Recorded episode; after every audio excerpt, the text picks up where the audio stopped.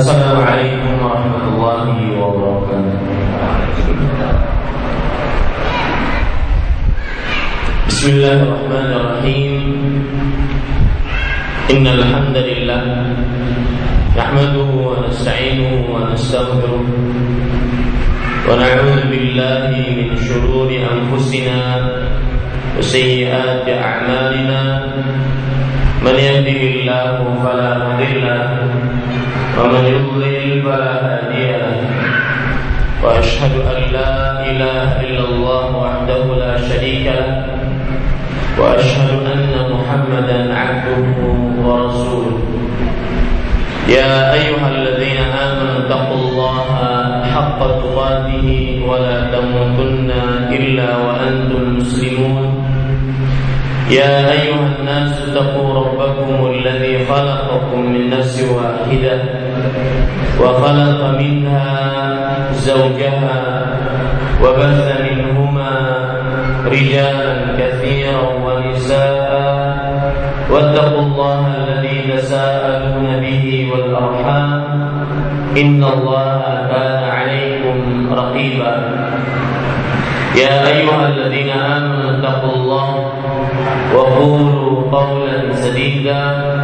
يصلح لكم أعمالكم ويغفر لكم ذنوبكم ومن يطع الله ورسوله فقد فاز فوزا عظيما. أما بعد فإن أصدق الحديث كتاب الله وأحسن الهدي هدي محمد صلى الله عليه وعلى آله وسلم وشر الأمور محدثاتها وكل محدثه بدعه وكل بدعه ضلاله وكل ضلالة في النار Alhamdulillah kita bersyukur pada Allah Subhanahu wa taala pada hari ini Sabtu pagi menjelang siang 5 Sya'ban 1436 Hijriah kita kembali duduk bersama di dalam Masjid Al-Kiram Bangkinang Kambak untuk melanjutkan daurah ilmiah kajian Islam intensif dengan tema lebih indah dari dunia yang pada pagi ini kita akan bahas yaitu jangan percaya dukun. Salawat dan salam semoga selalu Allah berikan kepada Nabi kita Muhammad sallallahu alaihi wa ala alihi wasallam pada keluarga beliau, para sahabat, serta orang-orang yang mengikuti beliau sampai hari kiamat kelak. Dengan nama-nama Allah yang husna dan sifat-sifat yang mulia, saya berdoa, Allahumma inna na'udzubika bika wa nahnu na'lam wa nastaghfiruka lima la na'lam. Wahai Allah, sesungguhnya kami memohon perlindungan kepada Engkau dari mensyirikanmu dalam keadaan kami menyadarinya dan kami meminta ampun kepada Engkau dari mensyirikanmu dalam keadaan kami tidak menyadarinya. Amin ya rabbal alamin. Bapak, Ibu, saudara-saudari yang dimuliakan oleh Allah Subhanahu wa taala. Pada pagi ini kita akan membahas tema yaitu jangan percaya dukun. Seperti yang sudah saya sebutkan tadi malam bahwa kita harus benar-benar memahami tema sebelum kita masuk di dalamnya. Ketika kita sebutkan jangan percaya dukun, ini berarti adalah larangan untuk mempercayai dukun. Maka tema yang kita bahas yaitu sebuah larangan bagi kaum muslim untuk mempercayai seorang dukun atau yang semisal dengannya. Dari tema ini saya akan membahas perkara tema ini dulu dari dua sisi. Yaitu yang pertama Kenapa tidak diperbolehkan kita mempercayai dukun? Kenapa kita tidak memperbolehkan mempercayai dukun? Maka jawabannya yang pertama yaitu mempercayai dukun akan menyebabkan seseorang melakukan sebuah dosa besar yang dilarang oleh Allah Subhanahu wa taala dan Rasulnya sallallahu alaihi wa alihi wasallam. Jadi poin pertama pagi ini kenapa kita dilarang mempercayai dukun? Maka jawabannya karena mempercayai dukun berarti melanggar larangan Allah Subhanahu wa taala yang berupa dosa besar. Larangan tersebut di antaranya disebutkan oleh Rasul Shallallahu Alaihi Wasallam dalam sebuah hadis riwayat Imam Muslim dari Sofiyah an ba'd azwaj Nabi sallallahu alaihi wa alihi wasallam. Dari Sofiyah beliau meriwayatkan radhiyallahu anha dari salah satu istri Nabi Muhammad sallallahu alaihi wa alihi wasallam. Anna Nabi sallallahu alaihi wa alihi wasallam qala bahwa Nabi Muhammad sallallahu alaihi wa alihi wasallam bersabda, "Man ata arrafan fas'alahu an syai'in lam tuqbal lahu salatun arba'ina lailah barang siapa yang mendatangi arraf kita terjemahkan dulu arraf ini sebagai dukun Nanti kita akan artikan dengan lebih teliti kata arraf ini. Barang siapa yang mendatangi arraf atau dukun lalu ia bertanya kepadanya tentang sesuatu. Sesuatu yang dimaksud di sini adalah sesuatu yang berkaitan dengan kedukunan.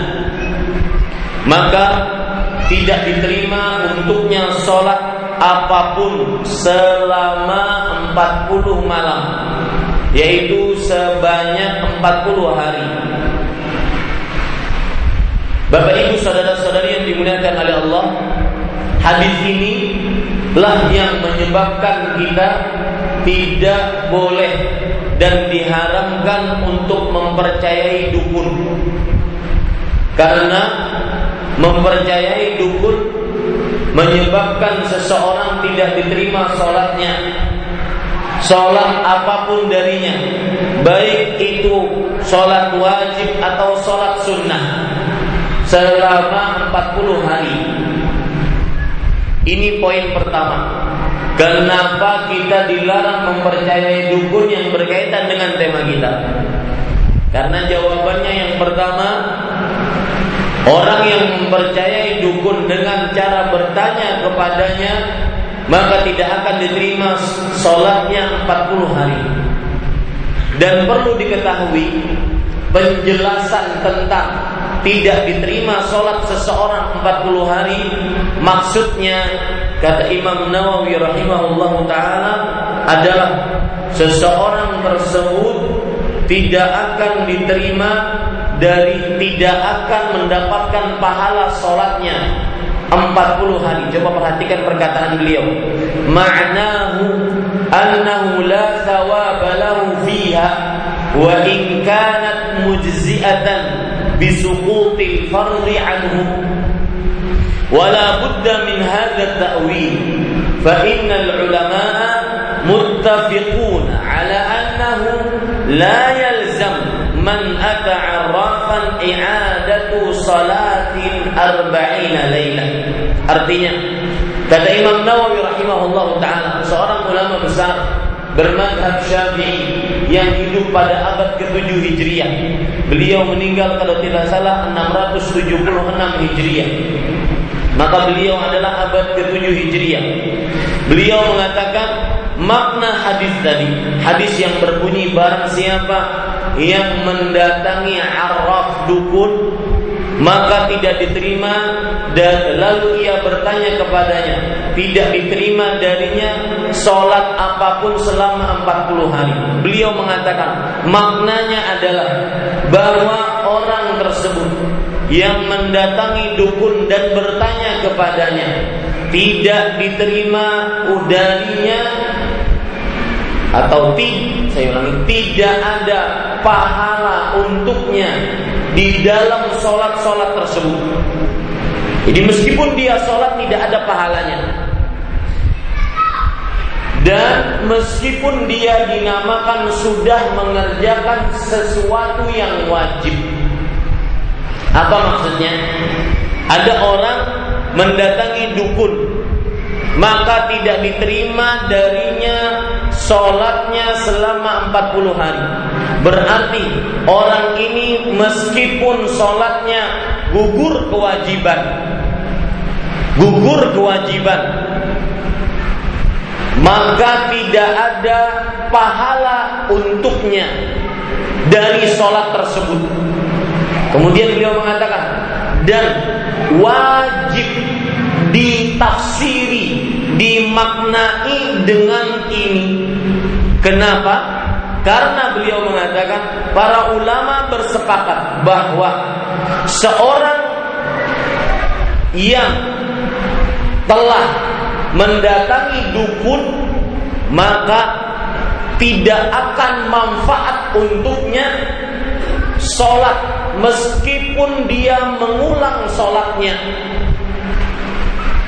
jadi makna ketika tidak diterima darinya sholat 40 hari bahwa sholatnya tidak ada pahalanya.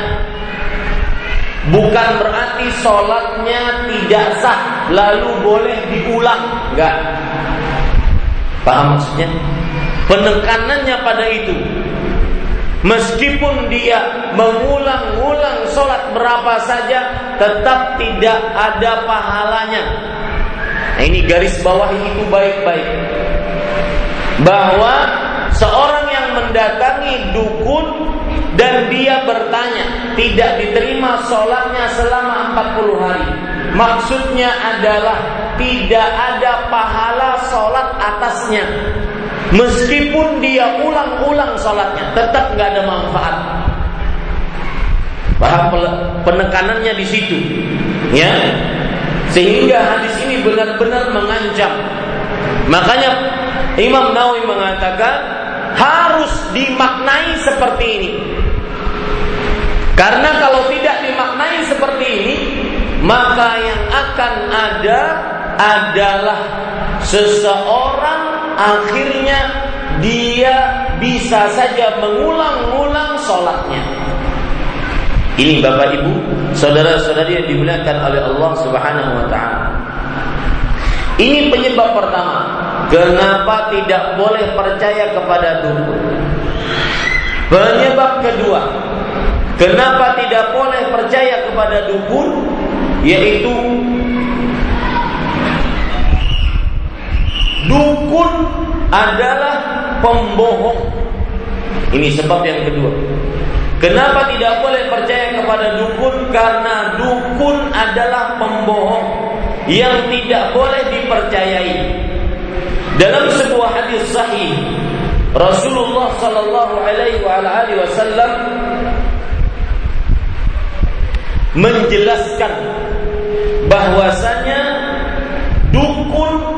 mengambil berita dari langit.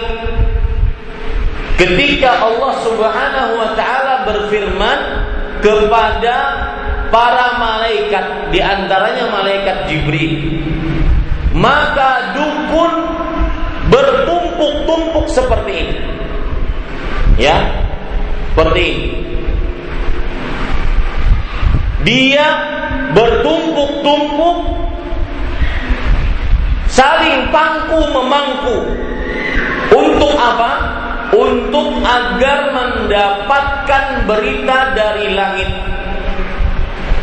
Maka Bapak Ibu saudara-saudari kata Rasulullah sallallahu alaihi wasallam, "Fayasma'uha mustariqus sama'." Maka jin yang tadi bertumpuk-tumpuk mendengar wahyu tersebut. Ya, mendengar wahyu tersebut. Kemudian jin tersebut menurunkan berita yang dia dengar ke bawahnya. Ya, dalam hadis Rasulullah SAW disebutkan dalam hadis riwayat Bukhari, fayulqiha ila man tahtahu, thumma yulqiha ila al-akharu ila thumma yulqiha al-akharu ila man. Lalu si fulan jin ini menyampaikan kepada orang yang di bawah. Jin ini menyampaikan lagi kepada orang kepada jin di bawahnya. Hatta yulqiyaha ala lisan sahir awil kahin. Sampai berita tersebut sampai kepada dukun. Makanya kadang-kadang dukun tukang ramal kadang benar. Akibat ini dia memang jinnya bertumpuk-tumpuk seperti ini digambarkan oleh Sufyan bin Masruq Az-Zawri. Bertumpuk-tumpuk. Ketika Allah berfirman kepada malaikat Jibril, maka diambil sebagian berita. Disampaikan dari atas ke bawah, dari atas ke bawah, dari atas ke bawah sampai kepada tangan para dukun, tukang sihir. Kemudian Nabi Muhammad sallallahu alaihi wasallam bersabda, "Farubbama adraka syihabu qabla an yulqiyaha." Mungkin kadang-kadang ketika berita itu turun diturunkan oleh jin, ya, pertangga yang atas menyampaikan kepada yang bawah, dan sampaikan lagi kepada yang bawah sebelum sampai kepada tukang sihir atau dukun maka ada meteor yang menyambarnya. Akhirnya terputus. Fayakdzibu ma'aha mi'ata kadhiba atau mi'ata kadzaba. Mi'ata kadzba. Artinya maka karena terputus yang terdapat hanya sisa-sisa berita karena sudah disambar oleh meteor apa yang terjadi?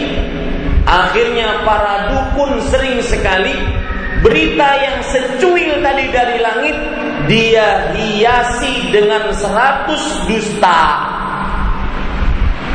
Fayuqal alaysa qad qala lana yawma kada wa kada wa kada wa kada fayusaddaqu bidilkal kalimah allati sami'a minas sama. Maka Si dukun hanya memberikan beberapa beberapa beberapa berita kecil. Makanya dukun, Pak, saya bisa pastikan tukang ramal, dukun, supranatural, paranormal itu tidak bisa memberikan berita secara lengkap. Dia hanya mengetahui secara globalnya saja. Makanya Rasulullah SAW bersabda dalam hadis ini, maka fayusaddaqu dukun tersebut di, dipercayai dengan kalimat yang secuil yang dia yang dia dengar dari langit dari bisikan-bisikan jin-jin tersebut. Ini sebab kedua. Kenapa kita diharamkan untuk percaya kepada dukun, tukang sihir, santet, guna-guna, pelet, paranormal, supranatural, ahli uh, apa lagi? Ahli nujum, ada nama, namanya yang lebih lebih keren. Meta fisika apa? Meta?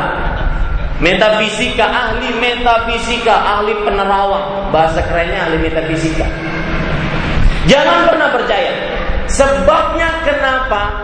Karena dia mendapatkan berita langit itu pun curian. Makanya disebutkan oleh Rasulullah mustariqus sama mencuri berita dari langit. Kemudian disampaikan ke bawahnya, ke bawahnya, ke bawahnya. Nanti kadang-kadang ada meteor yang menyambar itu berita dengan takdir Allah. Dan dia hanya dapat secuil. Makanya para dukun itu pendusta. Tidak mengetahui sesuatu yang dengan rinci. Ini sebab kedua. Sebab ketiga. Kita masih membicarakan tema. Karena saya concern sekali dengan tema agar benar-benar kita memahami bahwa yang kita hadiri ini bukan sembarangan asal tema asal menarik enggak tapi benar-benar yang ditujui jangan percaya kepada dukun. Kenapa? Satu tadi sudah kita jawab.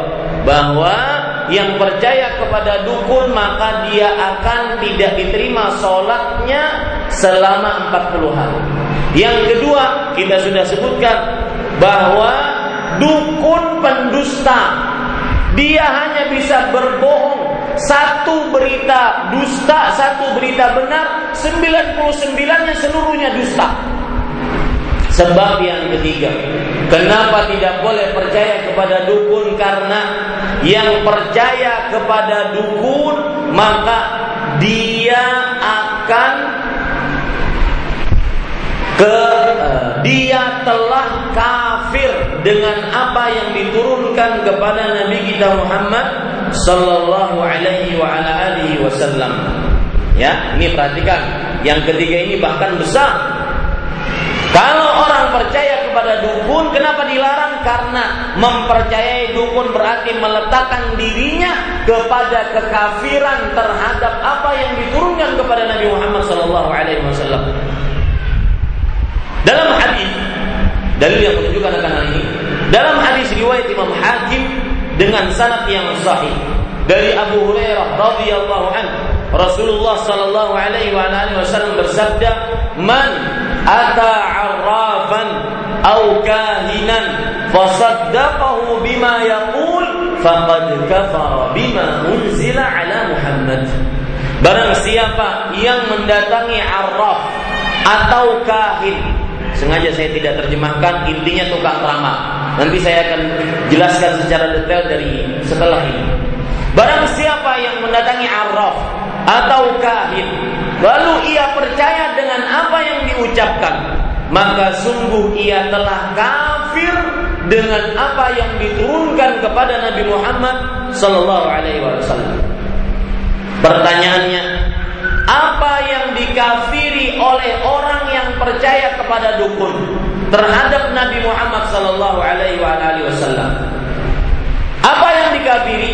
Maka yang dikafiri adalah ayat-ayat Allah yang menunjukkan bahwa tidak ada yang mengetahui akan hal gaib dari para makhluk tentang hal gaib di langit dan di bumi melainkan Allah Subhanahu wa taala. Coba perhatikan dalam surat Al-Naml ayat 65 sangat jelas sekali. Ini yang dikafiri, ayat ini yang dikafiri orang-orang yang percaya kepada dukun, tukang ramal, tukang santet, tukang sihir, pelet, guna-guna, paranormal, ahli metafisika dan semisalnya. Yang sama dengan nama-nama tersebut. Allah berfirman, "Qul la ya'lamu man fis samawati wal ardi ghaiba illallah." Katakan wahai Muhammad, tidak ada yang mengetahui akan hal gaib di langit dan di bumi. Kata-kata tidak ada, la ya'lamu tidak ada yang mengetahui akan hal gaib di langit dan di bumi. Ini menunjukkan kepada keumuman. Siapa pun tidak ada yang mengetahui akan hal gaib di langit dan di bumi. Kenapa menunjukkan keumuman? Karena Allah awali dengan peniadaan, kemudian Allah akhiri dengan pengecualian. Tidak ada yang mengetahui akan hal gaib di langit dan di bumi kecuali ya Pertama kali peniadaan, kemudian pengecualian. Kecuali Allah. Para ulama bahasa biasanya mereka mengatakan asyai'u ba'da nafyi atau an-nafyu ba'da al-syai'u al-istidraku ba'da nafi yadullu 'ala al-khusus. Artinya pengecualian setelah peniadaan menunjukkan kepada kekhususan. Artinya hal gaib hanya khusus milik Allah. Dari sisi mana Ustaz? Dari ayat ini. Karena ayat ini awalannya meniadakan. Tidak ada yang mengetahui akan hal gaib di langit dan di bumi. Melainkan, baru dikecualikan. Kecuali Allah. Sama kalau kita mengucapkan syahadat. Ashadu an la ilaha illallah. Lihat peniadaan dulu. Baru pengecualian. Saya bersyahadat tidak ada ilah tidak ada kata-katanya peniadaan. Tidak ada sembahan yang berhak disembah. Baru dikecualikan kecuali Allah. Apa maksudnya?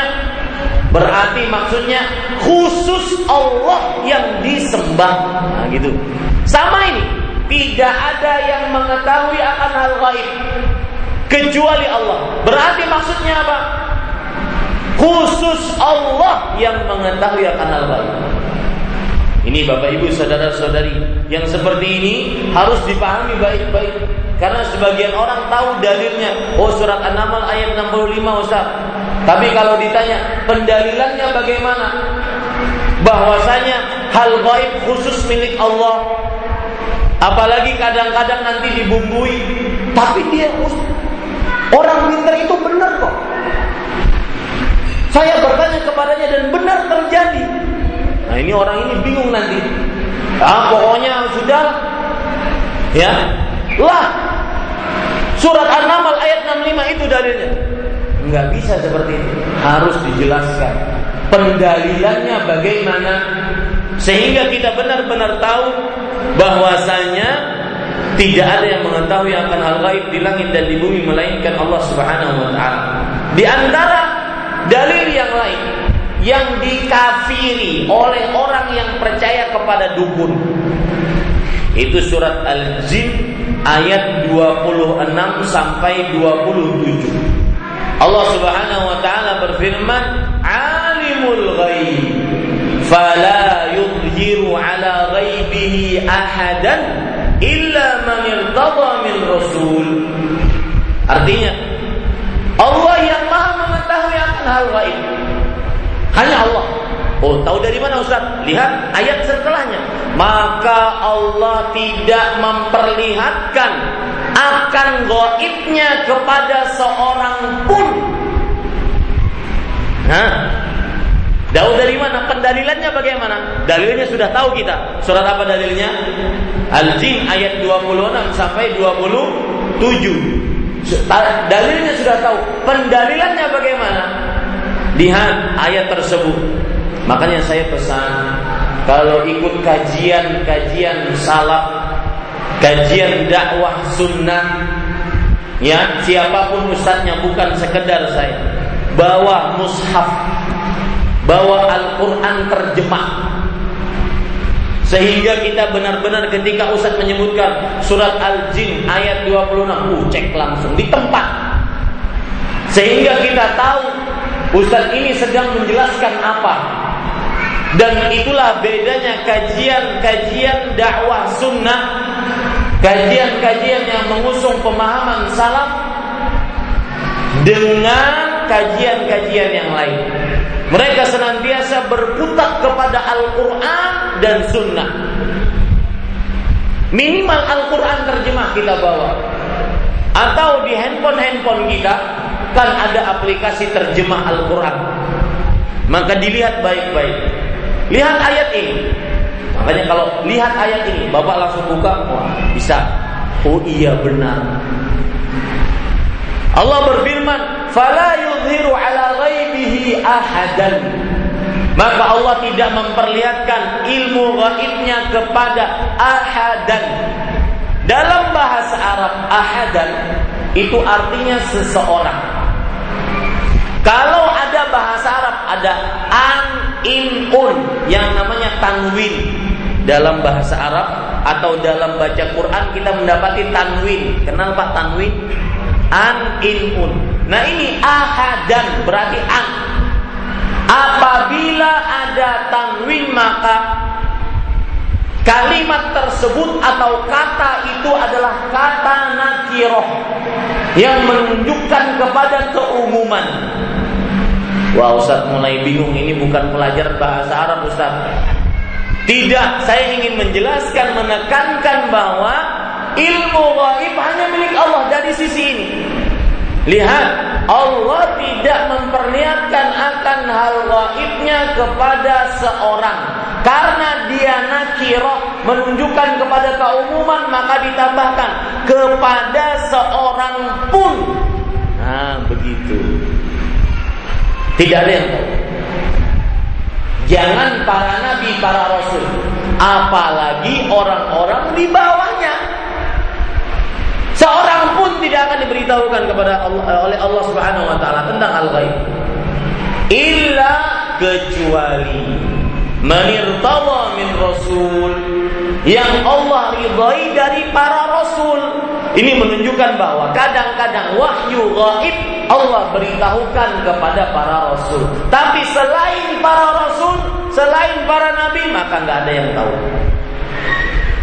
Ini ayat yang dikafiri oleh orang-orang yang percaya kepada dukun.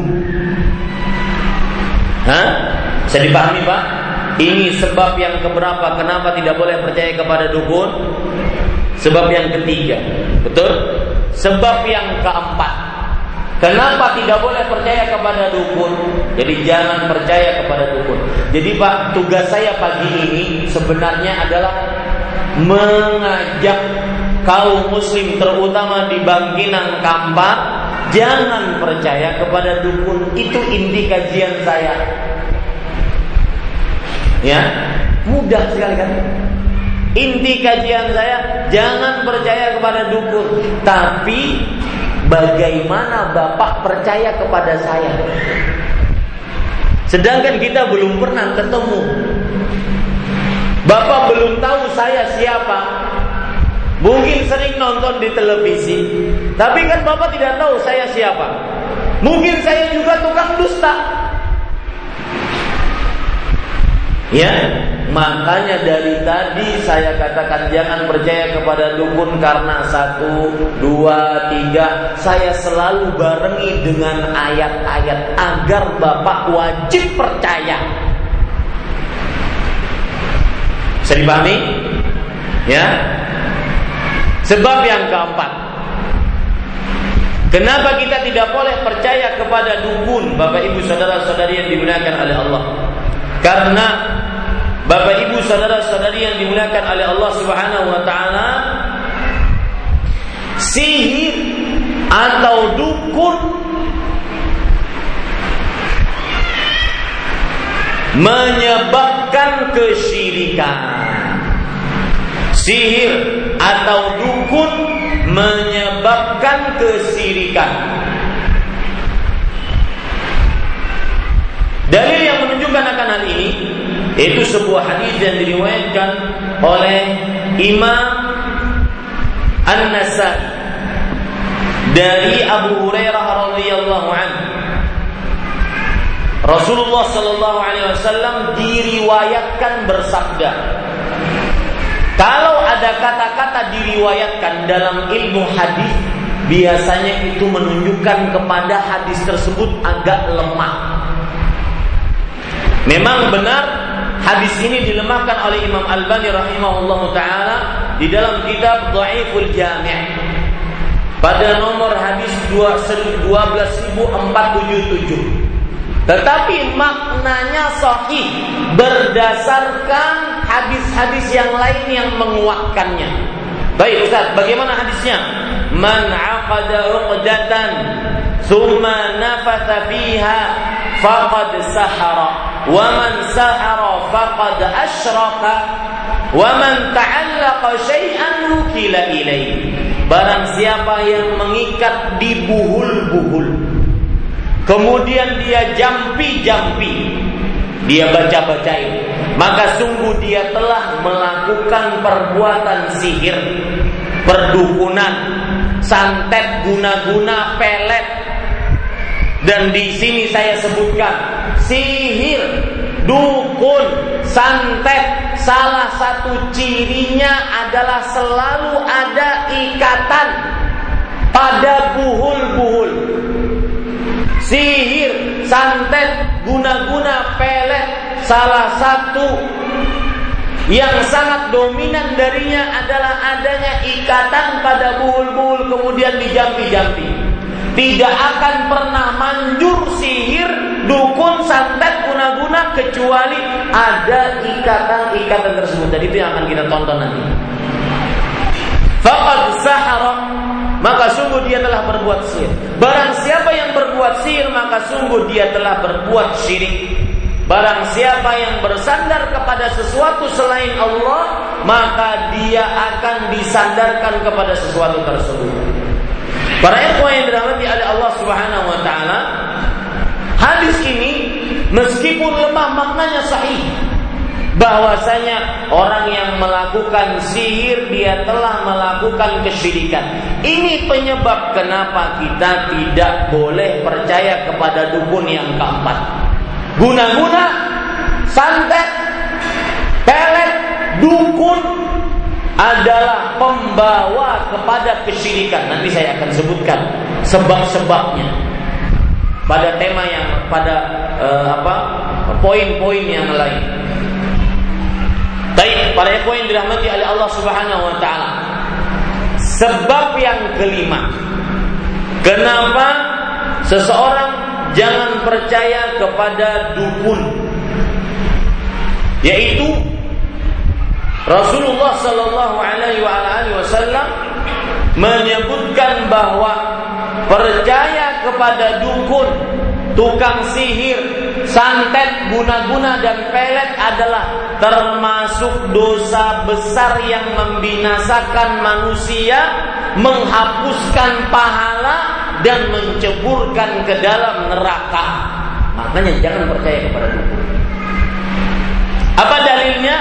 Sebuah hadis riwayat Bukhari dan Muslim. Nabi Muhammad sallallahu alaihi wasallam bersabda, "Ijtanibus sab'al mubiqat." Jauhi kalian dosa-dosa yang membinasakan. Sebelum saya lanjutkan hadisnya, apa maksud dosa membinasakan? Membinasakan pelaku dosa tersebut, menghancurkan pahalanya dan akhirnya menjerumuskan dia ke dalam neraka. Ini maksudnya dosa-dosa tujuh dosa yang membinasakan. Menghapuskan pahala pelakunya dan akhirnya menjerumuskan dia masuk ke dalam neraka. Kemudian Nabi menjelaskan ketika ditanya oleh para sahabat, "Ya Rasulullah, wa ma hunna?" Wahai Rasulullah sallallahu alaihi wasallam, tujuh dosa tersebut apa yang membinasakan menjerumuskan seseorang masuk ke dalam neraka? Beliau menjawab, "Asyirku billah wasihr." Mensyirikan Allah dan melakukan perbuatan perdukunan, sihir, santet, guna-guna dan pelet. Ini Bapak Ibu, saudara-saudari yang dimuliakan oleh Allah Subhanahu wa taala. Ya, sebab keberapa itu? Hah?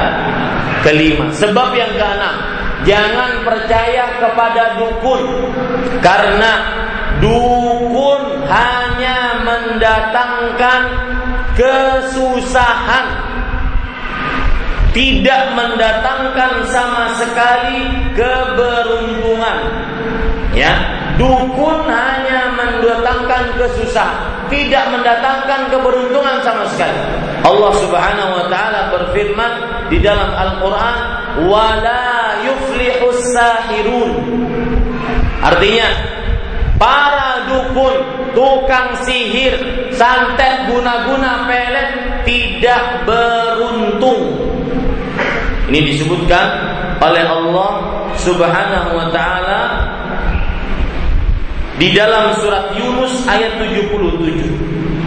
Ya, dalam surat Yunus ayat 77. Kemudian juga Hampir sama ayatnya Allah Subhanahu wa taala sebutkan di dalam surat Toha ayat 69. Lihat ketika tukang sihir Firaun di hadapan Nabi Musa maka kemudian Nabi Musa alaihi salam mengatakan kepada tukang sihir Firaun bal silahkan kalian perlihatkan apa yang kalian miliki dari ilmu sihir kata Nabi Musa فإذا حبالهم وعصيهم يخيل إليهم من يخيل إليه من سحرهم أنها تسعى ya maka ketika dibentangkan oleh tukang sihir tukang sihir Fir'aun tali-tali kecil dilempar ternyata dikhayalkan kepada mata Nabi Musa bahwa tongkat-tongkat kecil, tali-tali kecil tersebut bergerak seperti ular menuju Nabi Musa. Fa'aujasa fi nafsihi khifata Musa. Maka Nabi Musa alaihissalam tertimbul di dalam dirinya rasa takut maka Allah berkata, "Qulna la taqaf."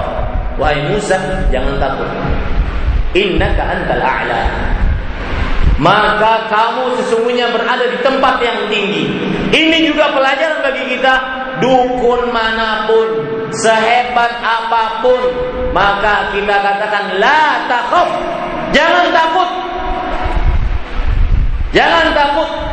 Ada pengalaman menarik, Pak dan saya sekalian ngumumin saya bukan tukang rukyah cuma sering diminta. Nanti kalau merukyah nggak jadi dakwah-dakwah. Sibuk merukyah saya. Baik. Perhatikan baik-baik. Seorang ibu-ibu habis saya kajian datang ke saya Ustaz tolong rukyah anak saya Emang anak ibu kenapa bu?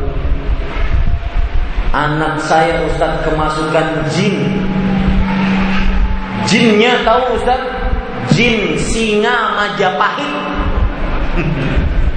Ih benar itu Sang ibu ini mengatakan seperti itu Ini kejadian nyata kalau sudah kemasukan Ustaz, itu semua dinding-dinding dia koyak-koyak. Padahal tidak ada kuku yang dia miliki. Kemudian kasihan Ustaz anak saya.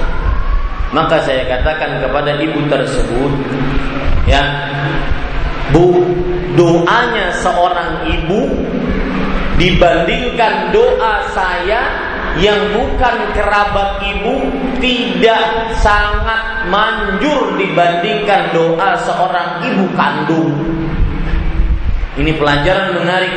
Kadang-kadang orang tua lupa dia punya kans kesempatan untuk berdoa untuk anaknya agar dikabulkan oleh Allah. Dan doa orang tua itu sangat mustajab.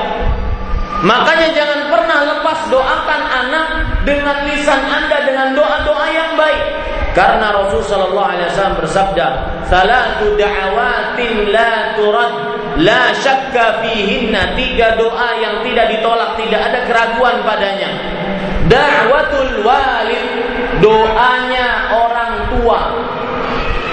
Ini juga pelajaran bagi kita para orang tua kalau berbicara terutama lagi kesal, lagi marah terhadap anak, maka jaga lisannya.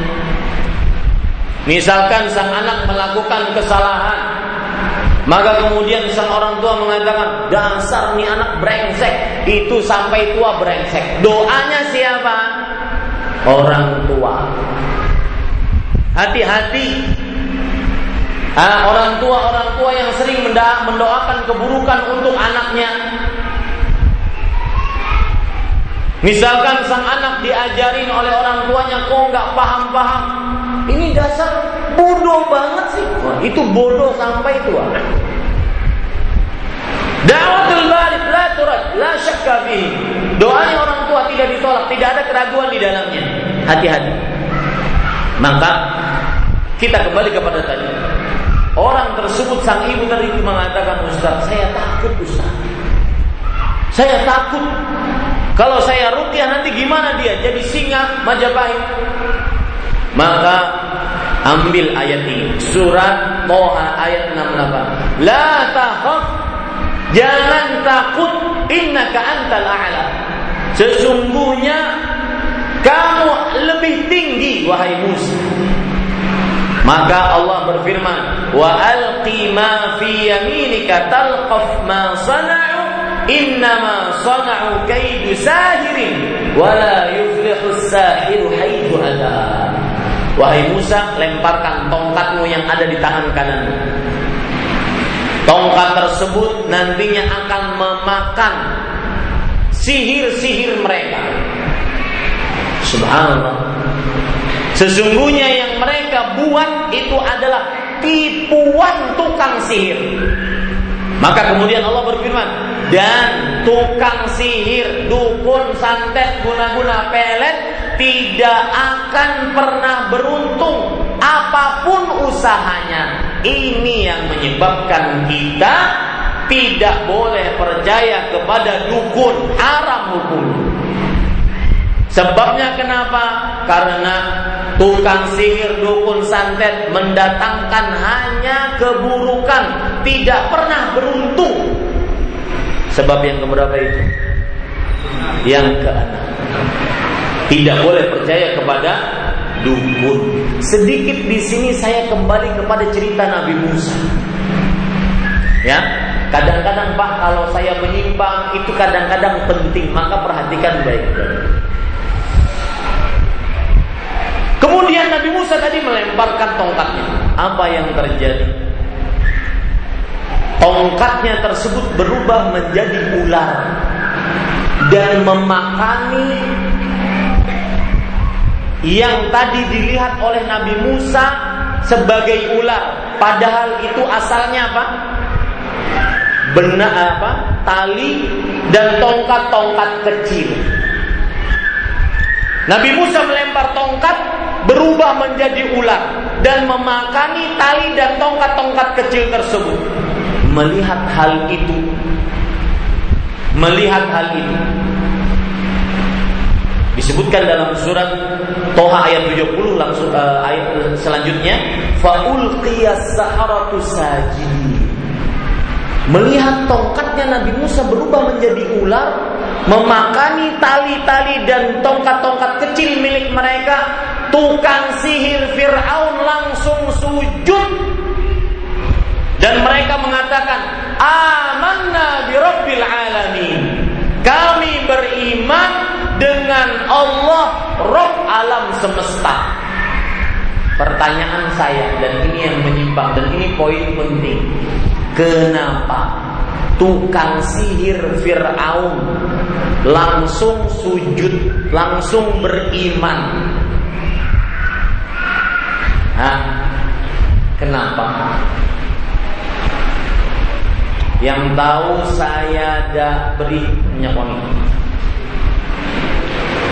Nanti jangan digelari saya Ustaz minyak wangi jangan. Nah, pulang. Karena ini adalah tapi ini adalah Jawabannya ibu-ibu kalau belum dengar karena ini bukan sihir tapi itu mukjizat. Sedangkan yang dilempar tadi sihir. Tali dilempar dihayalkan kepada mata kita seakan-akan dia ular. Sedangkan ini tongkat dilempar benar-benar berubah jadi ular dan tukang sihir Fir'aun tahu itu. Wih, itu ular beneran bukan kayak kita itu. Makanya dia percaya langsung. Paham gak? Itu ular beneran, bukan bukan apa? Bukan sihir. Makanya dia langsung percaya.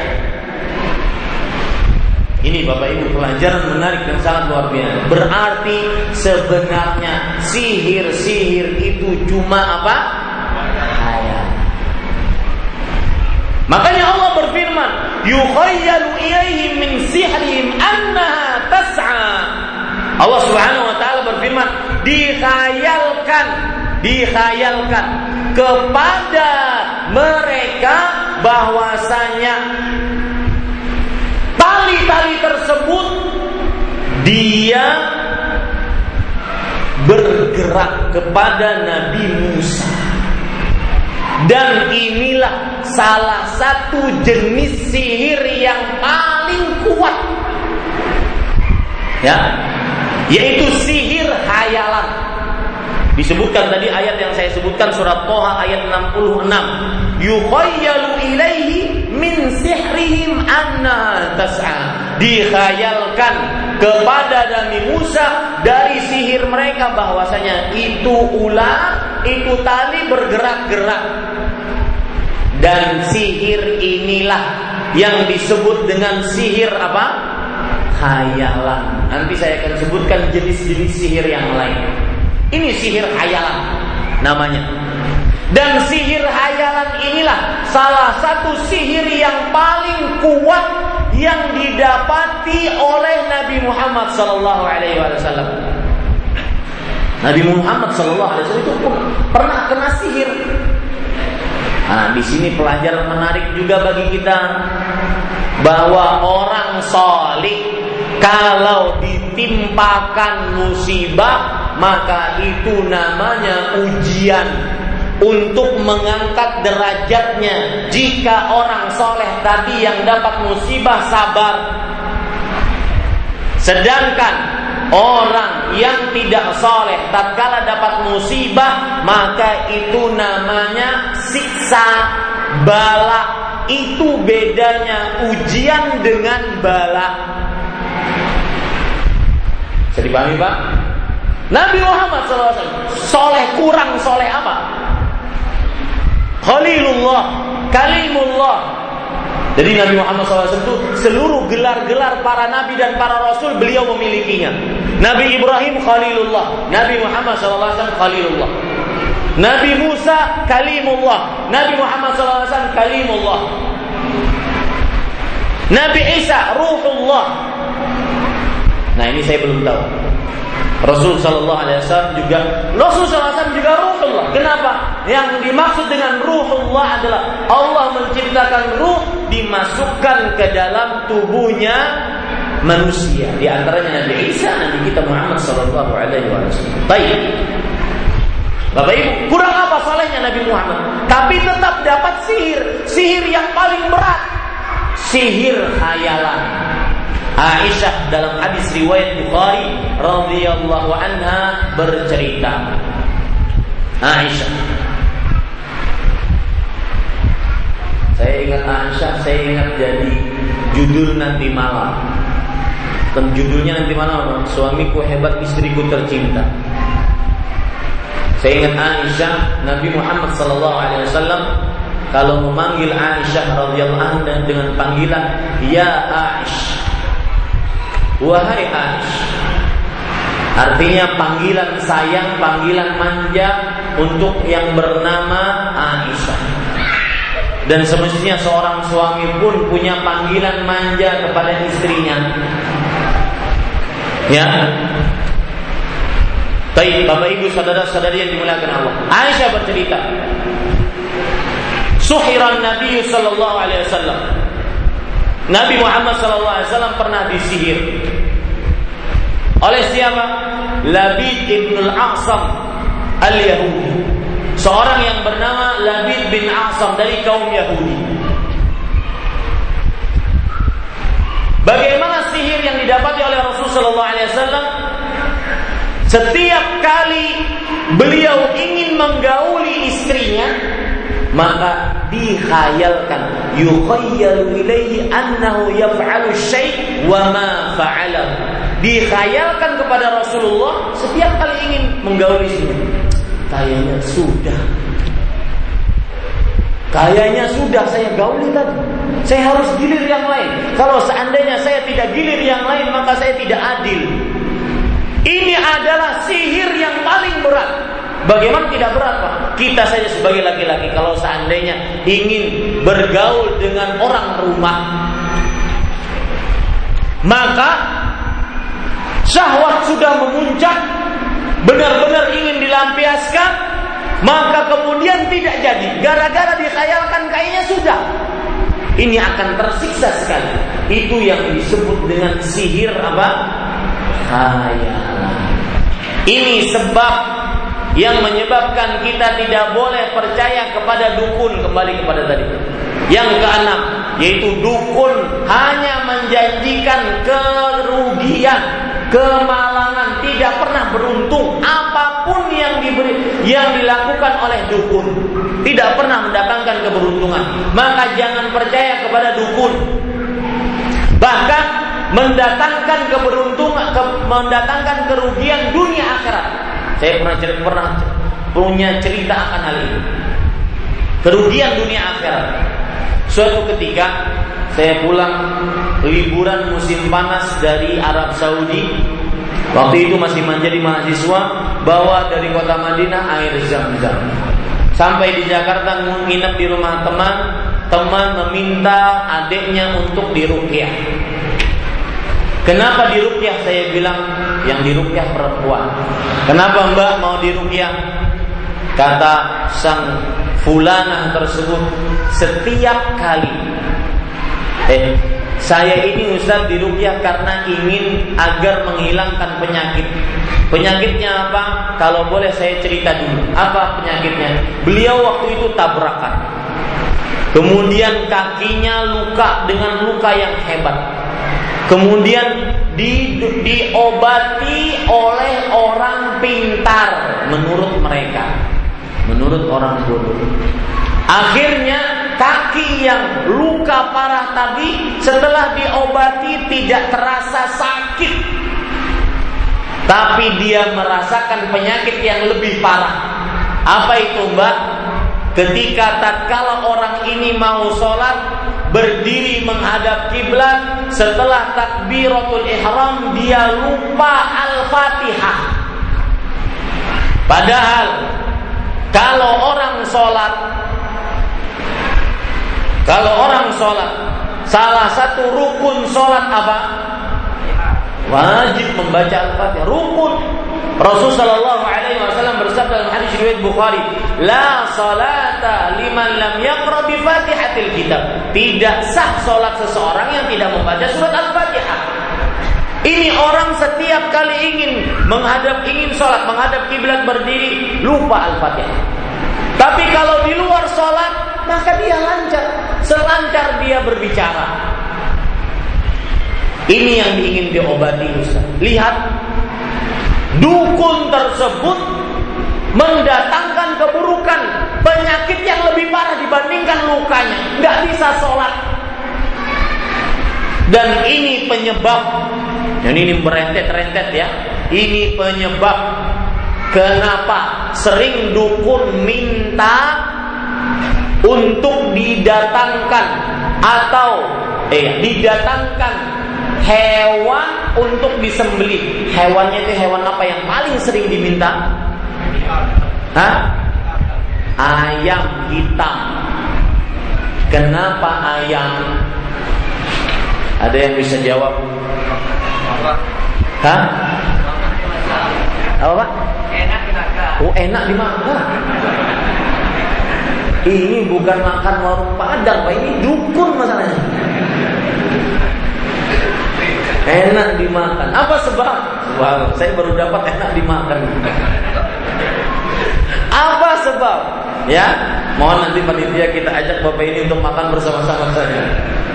Apa sebab? Kenapa dukun minta ayam untuk disembeli? Bisa melihat jin. Enggak, yang berkaitan dengan cerita perempuan tadi. Keluarnya sudah saya beritahu. Perempuan tadi tidak bisa membaca Al-Fatihah yang menyebabkan dia tidak sholat. Apa kaitannya dengan dengan ayam? Ha? Karena ayam itu membangunkan orang tatkala ingin mengerjakan sholat subuh. Jika ayamnya disembeli, maka tidak ada yang berkokok, akhirnya tidak ada yang sholat. Itu betul. Ya, bukan betul betul betul. Upin-ipin gitu. Nah, itu sebabnya. Kenapa diminta sembeli ayam? Nanti kita akan contohkan, kita akan lihat ya, kenapa bahkan di dalam jimat-jimat yang dibuat oleh dukun asli pakai sot asli bukan asli dukun beneran Kenapa yang digambar itu ayam? Karena tadi simbol ayam simbol membangunkan orang sholat. Paham ya? Ini para ikhwan yang dirahmati oleh Allah Subhanahu wa taala. Maka kita kembali ke permasalahan tadi. Saya cerita tentang perempuan tersebut kenapa? Karena Orang yang disuruh untuk mengobati tadi ternyata dukun. Membuat dia punya penyakit lebih parah. Yaitu tidak bisa sholat. Makanya seperti yang saya bilang tadi. Bahwa orang tidak boleh percaya kepada dukun. Kenapa? Karena dukun tidak mendatangkan kecuali kerugian. Kemalangan, keburukan tidak pernah mendatangkan keberuntungan sedikit pun.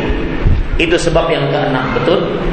Ya, sebab yang keenam tidak pernah mendatangkan keberuntungan. Kalau ingin tahu cerita lanjutan si perempuan tadi, sudah masuklah perempuan tersebut ke kamar, saya di depan pintu, pakai horden, kemudian saya membaca. Istri saya ada di dalam. Saya baca Al-Fatihah, Al-Baqarah. Maka sebelum itu makanya saya sebutkan zam-zam tadi sebelum itu saya baca saya suruh baca, perempuan tersebut minum air zam-zam yang sudah dibacai al-fatihah. Oh, Ustaz kok vulgar sekali bacaan-bacaannya? Enggak ada bacaan apa lagi? Enggak ada dalam Islam ilmu yang tersembunyi enggak ada. Makanya kalau bapak minta air untuk seseorang eh, dari seseorang yang dianggap soleh alim ulama Ya, kemudian dia mengatakan sebentar ya, saya mau masuk kamar khusus dulu. Eh, ngapain? Ngapain? Gak usah. Karena nggak ada yang dibaca kecuali Al-Fatihah. Nggak ada. Nggak ada bacaan khusus, nggak ada. Yang tidak boleh didengar orang-orang lain, nggak ada. Islam itu jelas, sejelas matahari di siang bolong. Dan nggak ada yang ditutup-tutupi, nggak ada. Ya, saya bacakan Al-Fatihah, kemudian setelah itu saya suruh minum dengan membaca basmalah. Minum langsung muntah. Itu kehebatan Zam-Zam untuk seorang yang di dalam dirinya sudah terdapat jin. Dibaca Al-Fatihah, dibaca Al-Baqarah langsung dia muntah-muntah di dalam. Kenapa Ustaz tidak boleh berhadapan? Syaitan itu, Pak. Dia itu tugasnya selama dia hidup dimulai dia dikeluarkan dari surga dimulai dari diciptakan Nabi Adam tugasnya sampai hari kiamat cuma satu. Makanya dia sangat ahli mengganggu manusia Bapak saja yang punya warung masakan Padang itu sangat ahli memasak. Bapak yang dagang sangat ahli berdagang. Padahal berdagangnya baru berapa tahun. Dia syaitan iblis itu paling ahli mengganggu manusia. Apa maksud saya? Kalau saya merukyah seorang perempuan di hadapannya ada perempuan tidak tertutup auratnya, maka nanti ditakutkan syaitan akan melakukan trik liciknya. Apa? Dia akan muntah-muntah, dia akan kesakitan karena jin yang ada dalam tubuhnya kesakitan. Maka dia punya trik dengan cara apa? Membuka mungkin aurat perempuan tersebut. Dan ini terdapat di zaman Rasulullah. Ya Rasulullah, Ud'ullah alla atakasyaf wahai Rasulullah doakan aku agar ketika aku kena kesurupan jin aku tidak terbuka aurat Makanya seorang yang merukyah jangan suka-suka berhadapan dengan perempuan langsung melihat dengan mata kasatnya Jangan. Nanti iblis akan membuat trik licik. Ketika dirukyah, maka akan membuka auratnya. Kalau sudah terbuka auratnya, bukan rukyah, tapi rukyah. Ya, dan hati-hati Patrik iblis mengganggu manusia. Saya tidak menuduh para perukyah yang suka merukyah langsung di hadapan perempuannya, tapi walau bagaimanapun, cuy, ada keledatan tersendiri. Linnas hubbus syahwat minan nisa wal banin. Diindahkan kepada manusia kecintaan syahwat terhadap perempuan Rasul sallallahu alaihi wasallam bersabda, "Ma taraktu ba'di fitnatan hiya adarra 'ala rijal minan nisa." Aku tidak pernah tinggalkan sepeninggalku seorang per fitnah yang lebih berbahaya untuk laki-laki dibandingkan perempuan. Maka saya nasihatkan kepada para perukyah jauhi merukyah perempuan langsung di hadapannya. Buktinya yang penting kan sampai suara rukiahan kita sampai kepada dia. Ketika di rukyah, subhanallah cerita ini cerita terakhir. Sesudah selesai, maka sang perempuan tersebut istri saya yang bercerita. Sang perempuan tersebut berkata kepada sang istri, "Saya Umu, apakah tadi kamu melihat dari perut saya keluar seperti seekor tikus tatkala dirukyah. Itulah yang dimaksud dimasukkan oleh siapa tadi? Dukun tadi.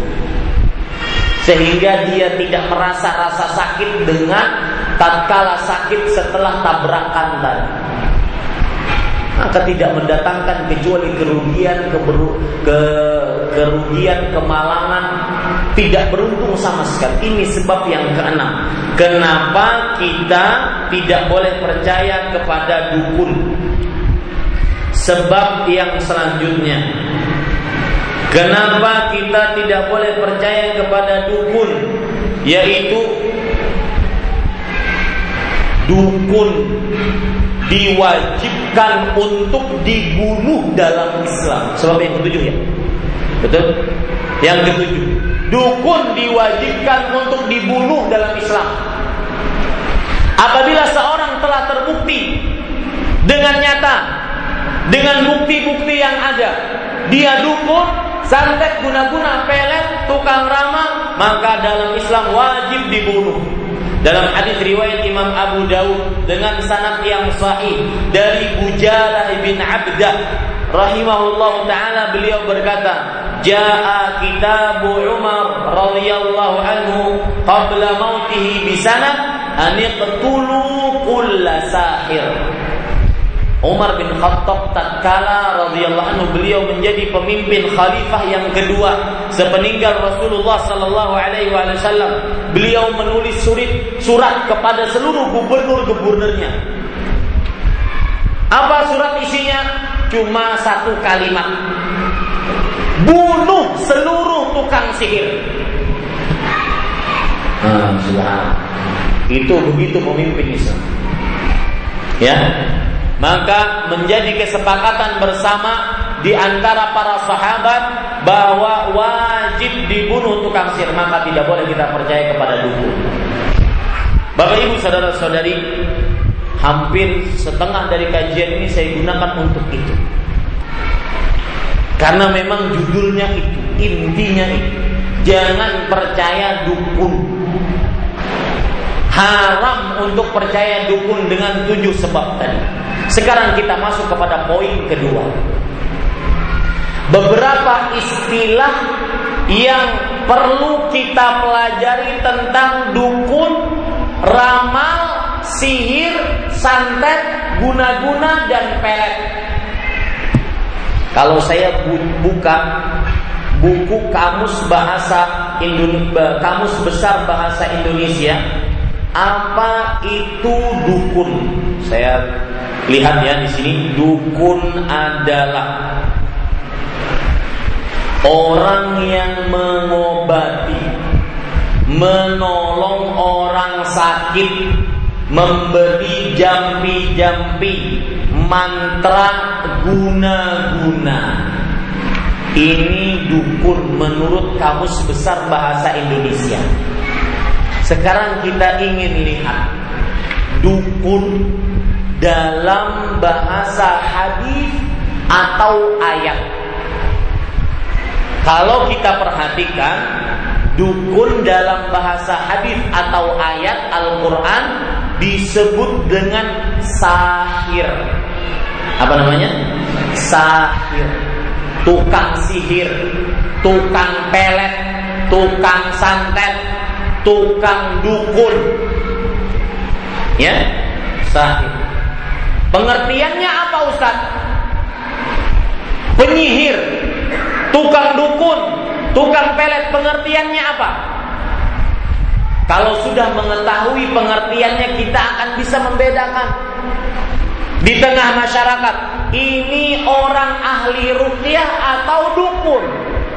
Itu tujuan saya. Kenapa kita harus mengetahui pengertian tukang sihir, dukun, santet, guna-guna dan pelet. Agar nanti di masyarakat ada orang modal pakai peci atau bahkan pakai surban, surbannya sebesar perahu. Jenggotan, pakai jubah seperti yang saya pakai.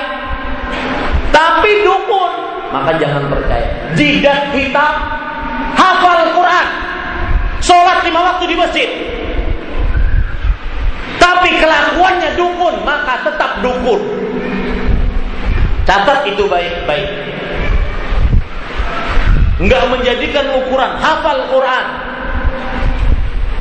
Kita akan nonton video dukun asli pakai soft, bukan asli pakai sim.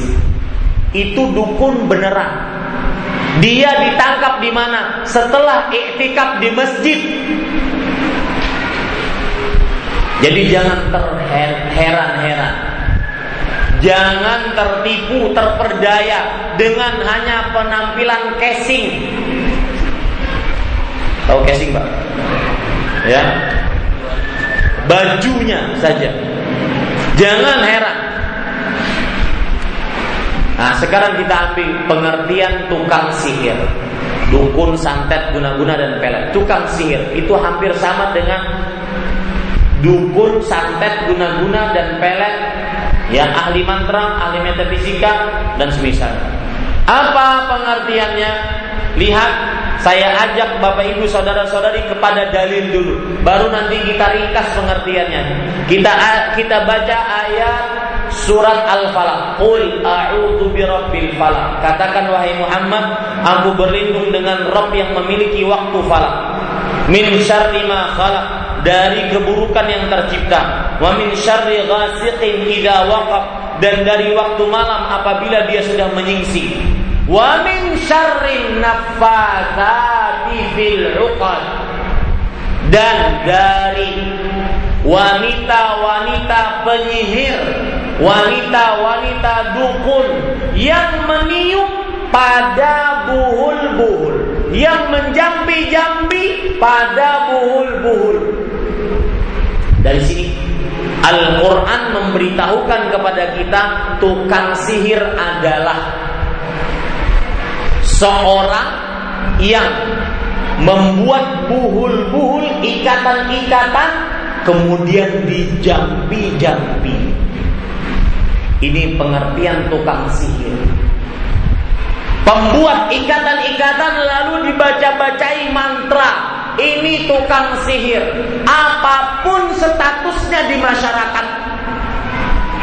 Ustadz, kiai, tuan guru, apa saja Habib bukan ukuran. Selama dia buat buhul-buhul biasanya dia pakai jahitan-jahitan kemudian dijampi-jampi di mantra-mantra dukun, tukang sihir, santet, guna-guna pelet tanpa pandang bulu. Kenapa Pak? Karena dalam Islam itu nggak mengenal kalau yang membuat seperti itu berarti ilmu putih Kalau yang membuat dukun berarti ilmu hitam nggak ada. Dalam Islam nggak ada ilmu putih, ilmu hitam nggak ada. Dalam Islam itu yang sesuai dengan Al-Quran dan Sunnah itu ilmu yang benar. Yang tidak sesuai dengan Al-Quran dan Sunnah itu adalah ilmu sihir, dukun, santet, guna-guna dan pelet. Ini para ikhwan yang dirahmati oleh Allah Subhanahu wa taala. Berarti sudah kita ambil pelajaran bahwa dukun adalah seorang yang membuat ikatan-ikatan lalu dijampi-jampi. Ini persis dengan hadis yang saya sebutkan tadi, yaitu riwayat Imam Nasai. Man aqada uqdatan, barang siapa yang mengikat membuat buhul Thumma nafatha fiha. Lalu dia jampi-jampi, mantra-mantrai. Faqad sahara. Maka sungguh dia telah berbuat sihir, dukun, santet, guna-guna dan pelet. Ini pengertian pertama terhadap tukang sihir, Pak. Dan Bapak Ibu saudara-saudari, guru besarnya tukang sihir siapa? Jin, iblis. Ya.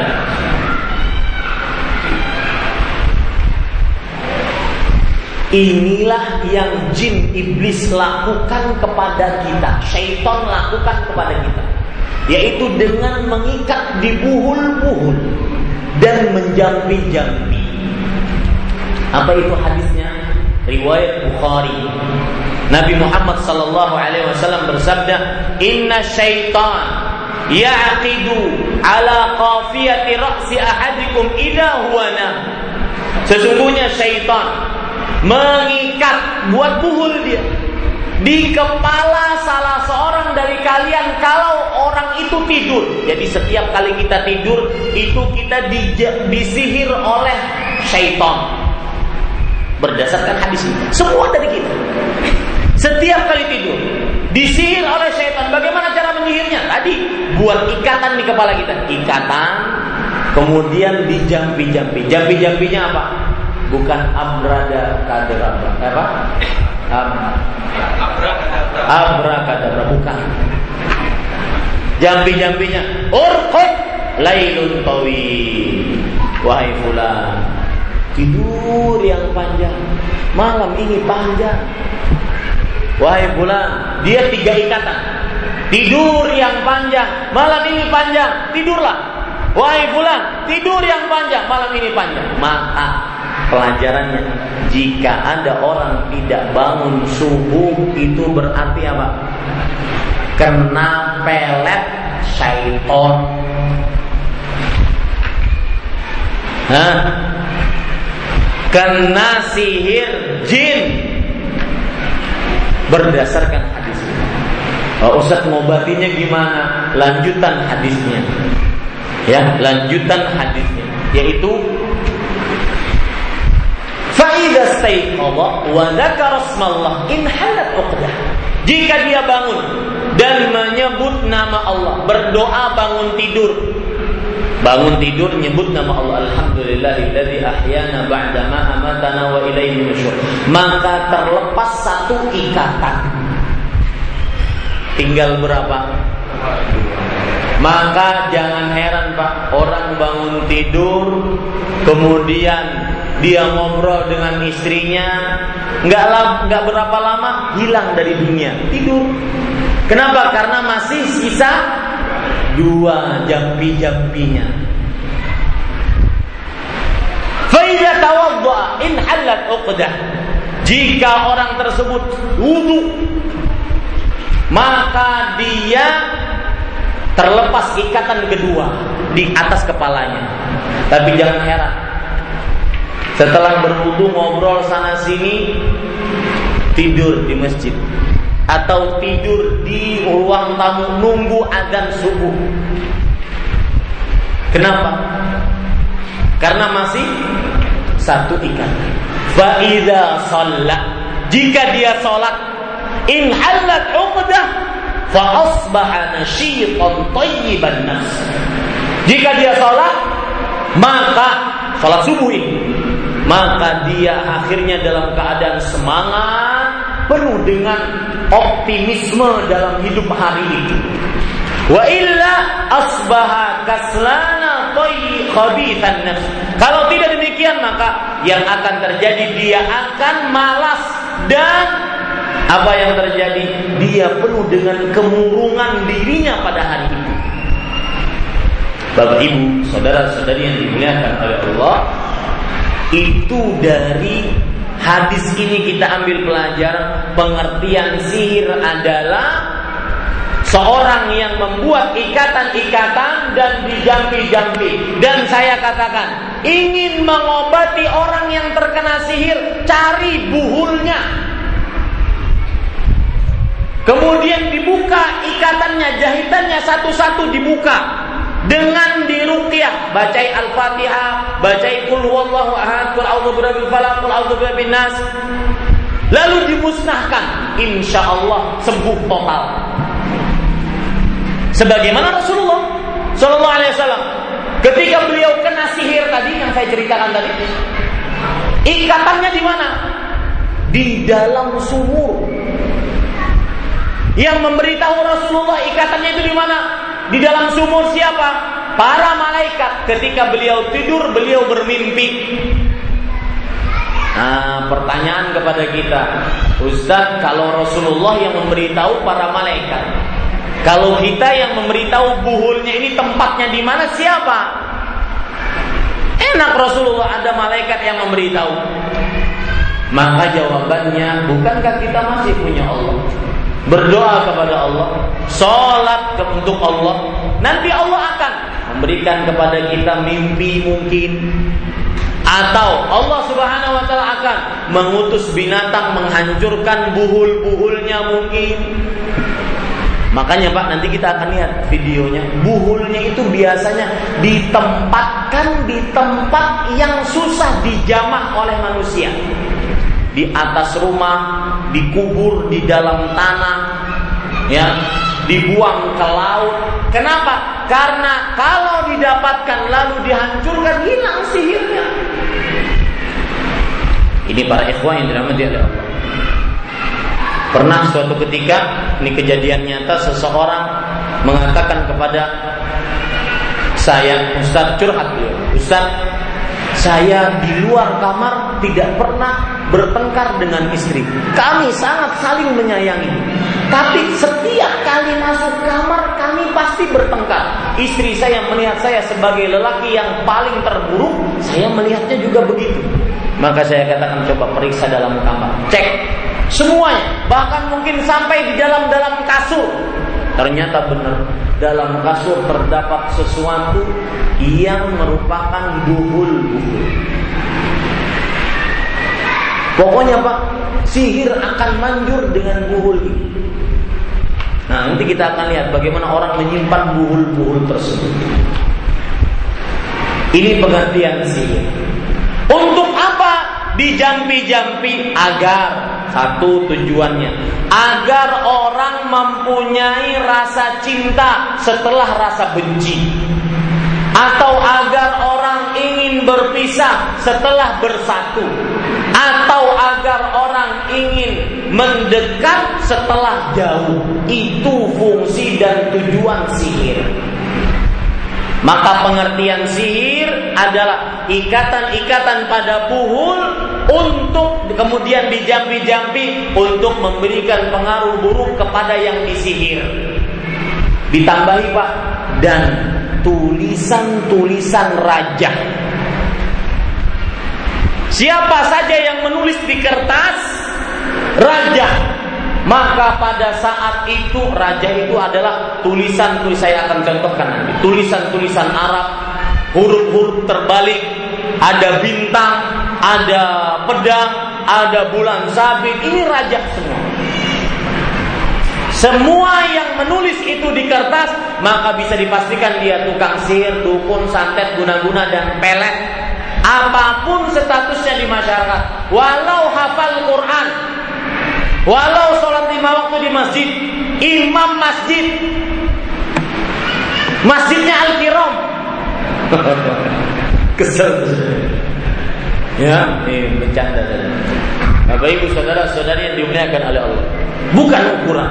Selama dia nulis raja-raja, saya pernah Pak, kejadian nyata juga. Waktu itu masih di Arab Saudi, saya bercerita tentang sihir-sihir seperti ini. Akhirnya dia bertobat mengeluarkan dompetnya. Nih Ustaz, saya bertobat. Saya sebelum ke Arab Saudi disuruh bawa kertas ini di dompet saya ke mana-mana. Tujuannya apa? Nggak tahu juga Ustaz. Pokoknya katanya biar selamat. Saya baca apa yang dibaca tulisan-tulisan Arab, Melayu, Arab tapi dia memakai bahasa Melayu. Apa bacaannya? Baca Al-Fatihah sembilan kali tanpa nafas. Bisa Pak? Bisa mati. Hah? Sembilan kali tanpa ini Bapak Ibu saudara-saudari yang dimuliakan jadi bohong semua itu. Baik, itu definisi pertama. Definisi kedua atau kata kedua yang ingin kita pahami yaitu tukang ramal. Dalam bahasa hadis, ya bahasa hadis kita mendapati dua istilah untuk tukang ramal.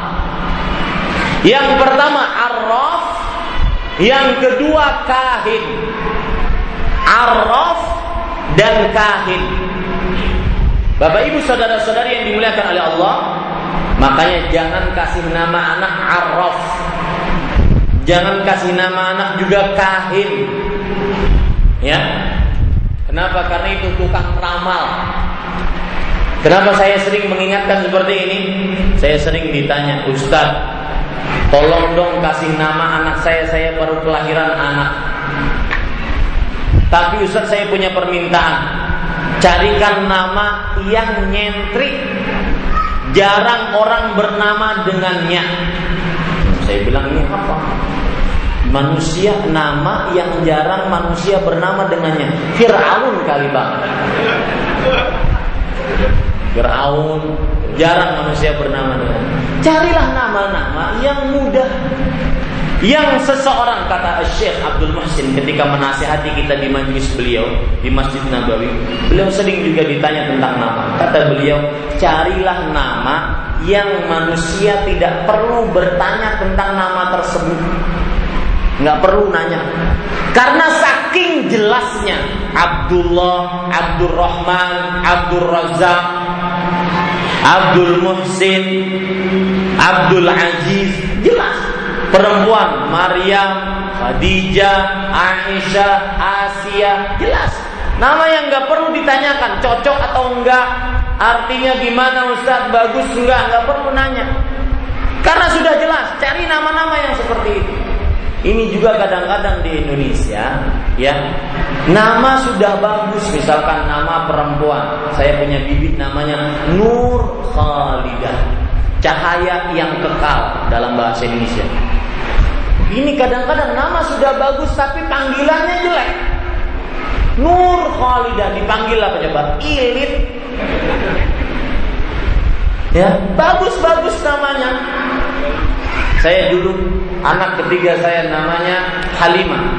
Asalnya kita ingin kasih nama anak Umaymah. Karena dari sisi histori Umaymah ini menarik. Umaymah adalah seorang perempuan yang ikut membaiat Rasulullah dan beliau taat dalam baiat tersebut. Historinya bagus, Umaymah. Tapi kata istri saya, nanti kalau kita kasih nama Umaymah, nanti dipanggilnya apa? Paling dipanggil Mai. Ya, itu masih kalau dipanggil Mai, ya masih agak bagus. Ini orang kadang-kadang bernama Abdul Razak, dipanggilnya siapa? Ojek. Ya. Maka kalau punya nama anak Abdullah dipanggil jangan Ab Adul. Abdullah panggil bagus-bagus namanya. Abdullah panggil Abdullah, Abdul Razak panggil Abdul Razak. Baik, kembali kita ke permasalahan kita. Bapak Ibu saudara-saudari yang dimuliakan oleh Allah Subhanahu wa taala, arraf dan kafir. Nabi Muhammad SAW bersabda dalam hadis riwayat Imam Abu Daud, "Man ata arrafan au kahinan, fasaddaqahu bima yaqul faqad kafara bima unzila ala Muhammad. Barang siapa yang mendatangi Arraf Siapa itu Arraf? Imam Al-Baghawi dalam kitab beliau Syarh Sunnah mengatakan Arraf adalah huwa alladhi yadda'i ma'rifatal umur bimuqaddimati asbab kal masruq man alladhi saraqahu Dialah orang yang mengaku mengetahui akan hal gaib yang telah terjadi. Seperti barang hilang, sudah hilang barangnya. Siapa pencurinya, maka dia tahu. Itu namanya apa? Arraf. Motor hilang, perhiasan hilang, istri hilang. Istri hilang itu bukan hilang, kabur dengan laki-laki idaman lain. Yang mengetahui ini araf namanya. Yang menjawab ini, yang ditanya dan menjawab ini namanya araf. Apa pun statusnya di masyarakat. Araf. Kemudian Bapak Ibu saudara-saudari yang dimuliakan oleh Allah Subhanahu wa taala. Kahin, sekarang kahin.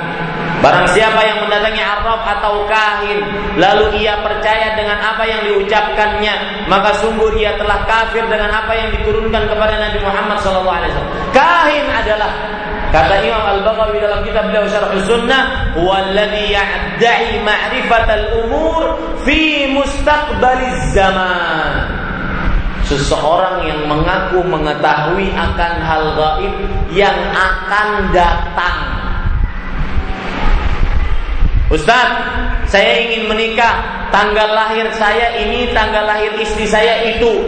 Kalau kami menikah pada hari ini, bulan ini, tahun ini bagaimana? Oh bagus, ini kahin. Kenapa? Mengaku mengetahui akan hal gaib yang akan datang. Itu namanya apa? Apa pun statusnya di masyarakat pakai jubah kah, jenggotan kah, kalau sudah ditanya tentang hal gaib dia jawab, maka ini kahin. Dan hal gaib yang dimaksud adalah gaib yang akan datang. Ustaz, saya ingin membuat membangun rumah di Bangkinang, cocok enggak? Maka kalau si Ustaz menjawab, iya cocok, ini kahin. Ustaz kira-kira kapan saya naik haji? Kalau seandainya Ustaz ini menerawang, mengaku mengetahui akan hal gaib, maka ini kahin. Ini istilah yang pertama dan kedua. Ya, ini adalah apa? Kahin. Ini para ikhwan yang dirahmati oleh Allah Subhanahu wa taala. Baik, itu istilah-istilah yang bisa kita pelajari. Bapak Ibu saudara-saudari yang dimuliakan oleh Allah Subhanahu wa taala, sekarang kita masuk kepada poin yang ketiga. Yang berkenaan dengan jangan percaya kepada dukun. Yaitu macam-macam perdukunan. Bentuk perdukunan sihir santet guna-guna dan pelet. Apa itu? Yaitu yang pertama sihir khayalan. Yang sudah kita jelaskan tadi dukun khayalan. Dikhayalkan kepada manusia bahwasanya dia seperti ini padahal dia bukan seperti ini. Itu adalah sihir khayalan. Dalilnya apa? Surat al-a'raf ayat 120 sampai 103 eh apa? 120 sampai 113 yaitu ketika sama ceritanya tentang tukang sihir Fir'aun dengan Fir'aun dengan Nabi Musa. Tukang sihir Fir'aun melemparkan tali kemudian tongkat lalu dihayalkan kepada Nabi Musa dia berubah menjadi ular. Di surat Al-A'raf 120 sampai 113 sampai 120 itu maksud saya. Kemudian juga hampir sama ceritanya surat Asy-Syu'ara ayat 41 48 dikhayalkan kepada Nabi Musa bahwa tali-tali tersebut berubah menjadi ular-ular kecil. Asy-Syu'ara 41 sampai 48. Kemudian surat Toha ayat 65 sampai 76. Ini juga menunjukkan bahwasanya Sihir hayalan adalah sihir yang dihayalkan kepada hati-hati manusia, kepada mata mana manusia. Sedikit Pak menyimpang tentang cerita tukang sihir Fir'aun dengan Nabi Musa. Allah Subhanahu wa taala menjelaskan tentang kebiasaan tukang sihir, tukang sihir. Dari mulai tukang sihir Fir'aun sampai kepada detik ini kebiasaan mereka adalah ujung-ujungnya duit. Ujung-ujungnya duit. Itu kebiasaan mereka. Jadi jangan pernah percaya Pak. Ya, ayo Pak, nanti sini aja. Jadi dia itu kadang-kadang memakai sistem jual beli dukun itu. Orang misalkan e, si pulang dukun, Ya, ini saya ingin menjelaskan ujung-ujung dukun itu duit. Misalkan ini dukun, datang pasien, pasien ini nggak ada apa-apa. Maka sebagian orang, sebagian dukun memakai ilmu perdagangan, ilmu jual beli. Apa itu? Ada sebagian toko bahwa kalau sudah datang orang tidak boleh keluar kecuali dia harus beli barang kita bagaimanapun. Maka dukun memakai cara seperti itu, yaitu dukun ini datang pasien, pasiennya nggak salah, Pasiennya nggak sakit, tapi dia katakan, Pak, saya tahu Bapak ini punya masalah. Orang kalau sudah punya masalah, dikatakan punya masalah, maka dia akan merasa dan kepikiran. Ini dukun. Yang nanti ujung-ujungnya apa? Duit. Apa dalilnya? Coba perhatikan. Tiga ayat. Ya, garis bawahi dukun santet tukang sihir ujung-ujungnya duit dalilnya apa surat al-a'raf ayat 113 Allah berfirman wajah as-saharatu fir'auna qalu inna lana la ajran in kunna nahnul ghalibin tukang sihir mendatangi Fir'aun mereka berkata wahai Fir'aun Apakah kami akan dapatkan imbalan kalau kami menang? Ini selalu Fir'aun, eh, tukang sihir selalu minta imbalan. Dalam surah Asy-Syu'ara ayat 41 Allah berfirman, "Falamma ja'a as-saharatu qalu li fir'aun, a inna lana la ajran in kunna nahnu al-ghalibin?" Ketika tukang sihir mendatangi Fir'aun mereka mengatakan wahai Fir'aun apakah kami mendapatkan imbalan kalau kami menang melawan Musa Kemudian dalam surat Al uh, ya itu dua surat itu saja. Surat Al-A'raf 113, surat Asy-Syu'ara ayat 43, 41. Nah, saya punya cerita tentang imbalan ini. Dan yang saya ceritakan ini adalah tukang sihir palsu, asli bukan asli, palsu. Tapi sama, ujung-ujungnya duit. Bagaimana? Ini cerita hakiki dari Afrika. Saya pernah nonton videonya. Seorang dukun tobat. Kata dia, saya dulu itu sebenarnya cuma mengelabui manusia. Kenapa kok bisa manusia bisa saya kelabui?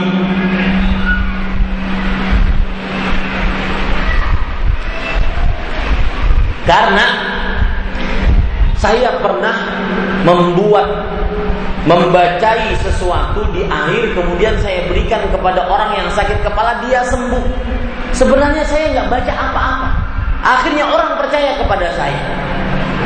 Dan kebanyakan begitu. Bukankah pernah dengar cerita batu di daerah Jawa sampai hampir mau-mau dibikinkan tandon untuk diletakkan batu di situ sehingga tinggal buka kerannya saja. Ini alhamdulillah Gimana Pak kita mau tenang kalau kesyirikan merajalela gimana Pak? Gimana mau aman, tentram? Jangan sering menyalahkan pemerintah. Dalam harga mahal, beras plastik, telur plastik, jangan sering salahkan. Rakyatnya sendiri yang tidak kadang-kadang menyimpang dari jalan Allah Subhanahu wa taala terutama penyimpangan akidah. Nah, orang indukun dari Afrika ini dia bercerita tentang insafnya dan cerita dia bagaimana dia membohongi manusia. Suatu ketika di Afrika kan terkenal dengan klub sepak bola. Datanglah klub sepak bola kepada dia. Ingin minta dirajah. Dirajah di mana? Kata sang dukun. Oh di sini di punggung, kemudian di kaki. Sudah. Ini imbalan kamu. Kalau kami menang, kami akan berikan setengahnya lagi.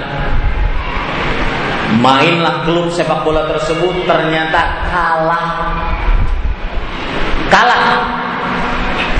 Apa yang terjadi? Klub sepak bola ini marah datang ke dukun itu lagi. Mana duit kami? Dasar kamu pembohong, dasar kamu penipu, penjahat dan semisalnya. Ingin cuma duit dan semisalnya. Dukun tidak lebih pintar dari mereka. Tidak lebih bodoh dari mereka. Lihat, dukun sangat pintar. Dia mengatakan sebentar, kalian kalah gimana? Di menit terakhir, wahai dukun palsu, tahu kami kalah. Dia memakai sundulan kepalanya, maka kami kalah. Kata dukun, oh bukan salah saya.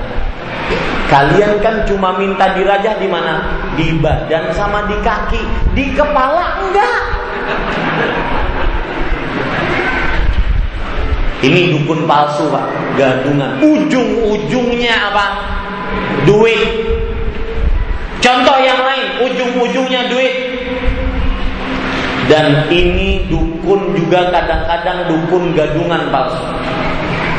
Ya, yaitu dia datang ke pasiennya, pasiennya mengatakan, dia mengatakan kepada pasiennya, Pak, saya bisa mengobati bapak. Istri bapak kembali lagi insya Allah kepada bapak, meninggalkan laki-laki simpanannya.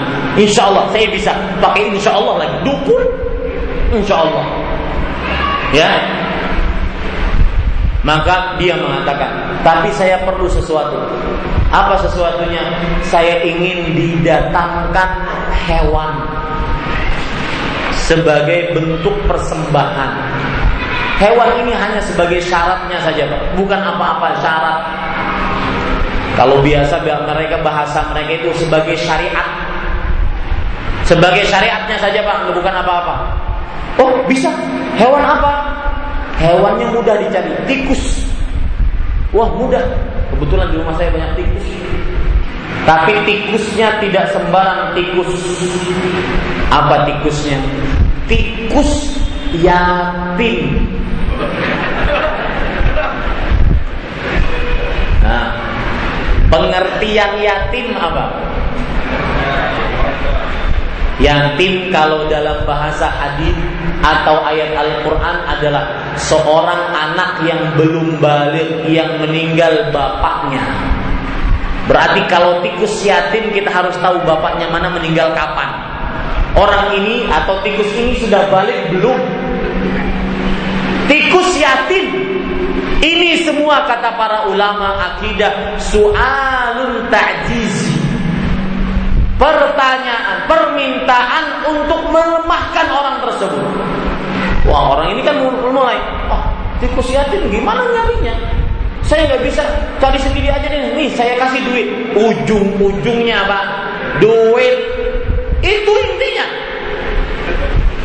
Makanya pak di berita-berita jangan heran. Dulunya seorang artis, kemudian diangkat menjadi seorang ustaz, diangkat lagi menjadi seorang tabib, tapi akhirnya maling. Maling duit pasiennya. Betul? Jangan heran karena ujung-ujungnya duit. Ini para ekha yang dirahmati oleh Allah Subhanahu wa taala. Kata panitia istirahat 10 menit karena mungkin ada kegiatan dari panitia. Mudah-mudahan pe, apa pemikirannya masih seputar jangan percaya kepada dukun. Ini yang bisa saya sampaikan. Wallahu alam sallallahu alaihi Muhammad walhamdulillah rabbil alamin. Ya. Bismillah, Alhamdulillah, wassalatu wassalamu ala rasulillah Kita lanjutkan Bapak Ibu Saudara-saudari yang dimuliakan oleh Allah Subhanahu wa taala. Sebelum masuk sesi pertanyaan, kita akan menonton beberapa video yang menunjukkan tentang kelakuan para tukang sihir. Nah nanti caranya kita akan menonton video ini dan saya akan menyebutkan di antaranya yaitu uh, di antara penontonan ini kita akan menyebutkan tentang ada dua poin yang belum terlewat, belum kita pelajari yaitu sifat atau ciri-ciri dukun, tukang sihir, santet, guna-guna pelet. Kemudian poin terakhir yang belum kita pelajari juga mudah-mudahan cukup waktunya yaitu cara menangkal sihir dan mengobati sihir. Kalau cara menangkal berarti sebelum terjadi. Kalau mengobati berarti sesudah terjadi. Yang gitu kita bahas di seling-seling kita menonton video ini. Para ikhwah yang dirahmati oleh Allah Subhanahu wa taala. Sekarang perhatikan baik-baik tentang apa yang terjadi di sini dan di sini nanti kita akan dapati pelajaran tentang uh, tanda-tanda alamat-alamat tukang sihir. Ciri-ciri tukang sihir. Ciri yang pertama ya sambil dilihat ini adalah peci dan ini adalah mohon maaf ibu-ibu pembalut perempuan. Dan di balik cerita pembalut ini terdapat pelajaran yaitu bahwa tukang sihir salah satu tandanya saya berhenti di situ perhatikan ke saya. Tukang sihir salah satu tandanya dia minta bekas-bekas pakaian pasien. Baju peci sisir, rambut, nah, rambut itu paling kuat, membalut perempuan, pokoknya yang berkaitan dengan pasien yang akan dituju sihir kepadanya. Ini tanda paling utama. Dia minta bekas pasien. Ya, minta bekas pasien. Kemudian pelajaran selanjutnya yang berkaitan dengan tanda juga yaitu para ikhwah sekalian dirahmati oleh Allah salah satu tanda tukang sihir adalah menghinakan yang diagungkan dalam Islam ini pembalut fungsinya apa ya fungsinya yaitu di dalam pembalut ini tukang sihir menulis dengan darah haid ayat kursi. Selalu dia menghinakan yang dihormati dalam Islam. Maka nanti kita akan lihat video seorang dukun asli yang tertangkap di Arab Saudi, dukun asli yang tertangkap di Arab Saudi, ketika ditangkap seperti yang saya ceritakan tadi, ditangkap dia setelah dia beretikaf di masjid. Ketika keluar ditangkap langsung oleh polisi karena terdapat bukti. Ketika ditangkap dibawa ke kantor polisi keagamaan Arab Saudi, KPS Komisi Pemberantasan Sihir. Ya, di Arab Saudi ada KPS, Komisi Pemberantasan Sihir, maka sang dukun ini menangis. Ketika ditanya, "Kenapa kamu menangis?" Kata dukun, saya menangis bukan karena takut kepada kalian. Tapi kenapa?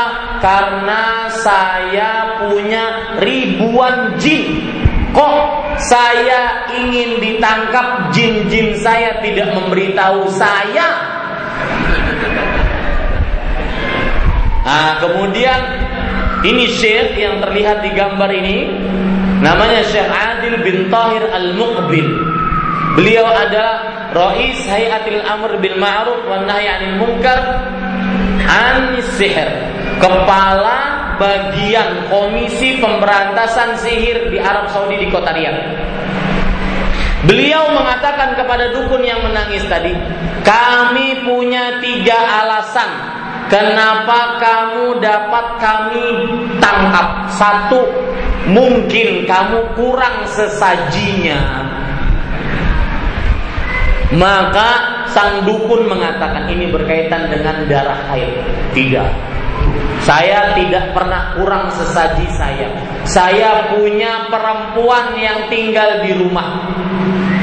Apa maksudnya?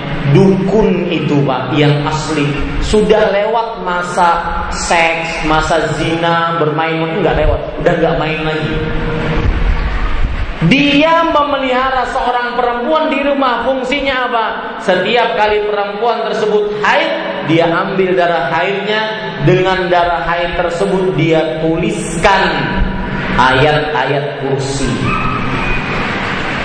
Ini ciri kedua, tanda dukun menghinakan simbol-simbol yang dihormati oleh Islam. Makanya mereka kadang-kadang nulis Al-Fatihah dengan hurufnya terbalik-balik. Nulis Allah dengan kalau Allah kita baca itu kan tulisannya haknya itu di kiri. Ini enggak dia balik haknya di kanan. Menghinakan. Buang air besar, dia injak Al-Quran sebagai pijakannya. Menulis ayat Al-Quran di telapak kakinya sehingga selalu diinjak-injak. Ini tanda dukun yang nyuruh-nyuruh seperti itu dukun. Kemudian kita lihat kembali videonya. Lihat di sini, ya. Nah, di sini ada buhul-buhul. Inilah yang saya sebut dengan buhul-buhul. Dan Syekh Adil bercerita di dalam video ini, beliau katakan ini adalah pekerjaan sihir untuk satu keluarga.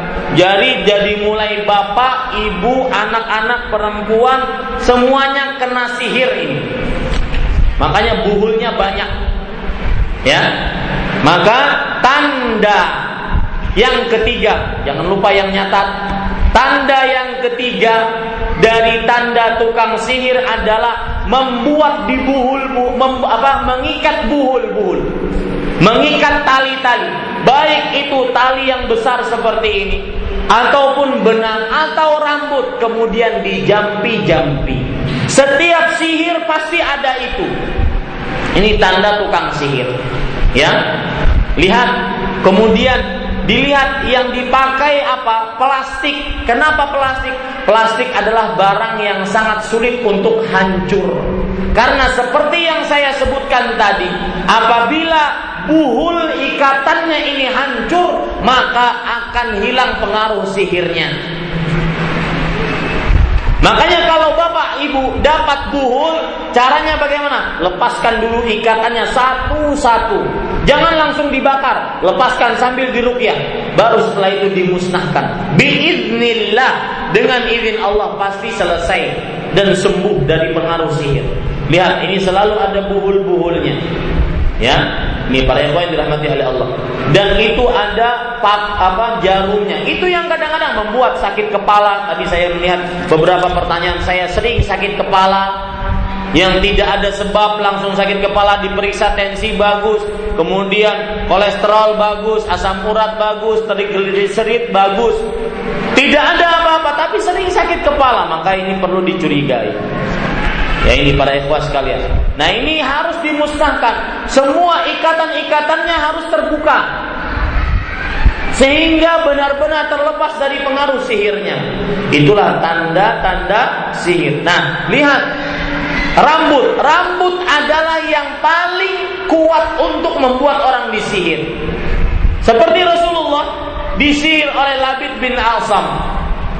Ketika malaikat bertanya, Fi ayyi tabbahu. Nabi Muhammad SAW ini disihir kenapa? Fi muslim wa musyafah. Nah ini yang saya sebutkan. Ya ini kain atau ini kertas yang sudah tertuliskan ayat kursi dengan darah haid sudah tidak terlihat lagi. Dan itu tadi dimasukkan ke dalam pembalut. Ya, ini para ikhwan yang dirahmati oleh Allah Subhanahu wa taala. Kejinya tukang sihir. Kembali ke permasalahan rambut tadi. Rambut tadi, Bapak Ibu saudara-saudari yang dimuliakan oleh Allah, adalah alat yang paling mudah untuk menyihir seseorang karena dia berkaitan dengan diri seseorang. Sebagaimana Rasulullah SAW disihir pada rambutnya. Ini juga biji-bijian yang digunakan untuk menyihir orang tersebut. Sekarang kita lihat video yang kedua. Yaitu lihat ini. Ini adalah rumah kosong. Rumah yang sudah tidak dihuni. Dan digunakan untuk apa? Lihat apa yang diambil. Yang diambil adalah jimat atau apa? Buhul-buhul. Kalau ada yang bertanya Ustaz, kok tahu dari mana itu? Jangan-jangan settingan, bohongan. Maka jawabannya mudah. Tahu dari dukun yang ketangkap diinterogasi, kemudian dia memberitahu itu di sana buhulnya. Langsung di kamera. Lihat di sini, dia pakai kertas aluminium foil. Ya, pakai kertas aluminium foil. Kenapa? Karena kertas aluminium foil itu adalah kertas yang susah rusaknya. Nah, ciri dukun yang keempat dilihat dari gambar ini adalah dia memerintahkan untuk menggantung sesuatu atau mengubur sesuatu di depan rumah, di belakang rumah, menggantung, meletakkan sesuatu di atas rumah. Ini ciri dukun yang keempat. Ya, senantiasa seperti nah lihat itu buhul-buhulnya, itu benang-benangnya harus dibuka satu-satu sampai diru, sambil dirukyah. Itu yang membuat kadang-kadang sakit perut, kadang-kadang seperti terkunci, pikiran kosong. Itu yang membuatnya. Lihat di situ jarum-jarumnya. Nah, ini para ikhwah yang dirahmati oleh Allah Subhanahu wa taala. Kita lihat yang lain, video yang lain itu sudah selesai. Ini juga masih berkaitan dengan buhul-buhul. Nah, ini adalah Komisi Pemberantasan Syirik di Arab Saudi. Lihat ini padang pasir, gurun pasir. Berarti buhulnya ditanam di gurun pasir. Supaya apa? Supaya tidak ketahuan manusia. Makanya seperti yang saya sebutkan tadi, ciri yang keempat dari tukang sihir adalah dia memerintahkan untuk menanam sesuatu, mengubur sesuatu. Ini pasti sihir, pasti dukun, pasti santet. Para ikhwan dirahmati oleh Allah Subhanahu wa taala. Ya, kita agak percepat, kita apa kira-kira yang didapat afwan? Apa yang didapat? Ya. Lihat yang didapat adalah setelah sekian dalam yang didapat adalah kaleng. Di dalamnya buhul-buhul. Kenapa pakai kaleng? Kaleng besi yang sangat susah untuk hancur. Di kaleng tersebut pun terdapat bahan yaitu lakban. Jadi praktek sihirnya buhulnya itu di lakban. Ya. Sehingga sulit untuk hancur karena seperti yang saya bilang tadi, Pak. Selama buhulnya masih ada, maka pengaruh sihirnya masih sangat akan manjur. Ya. Nah, ini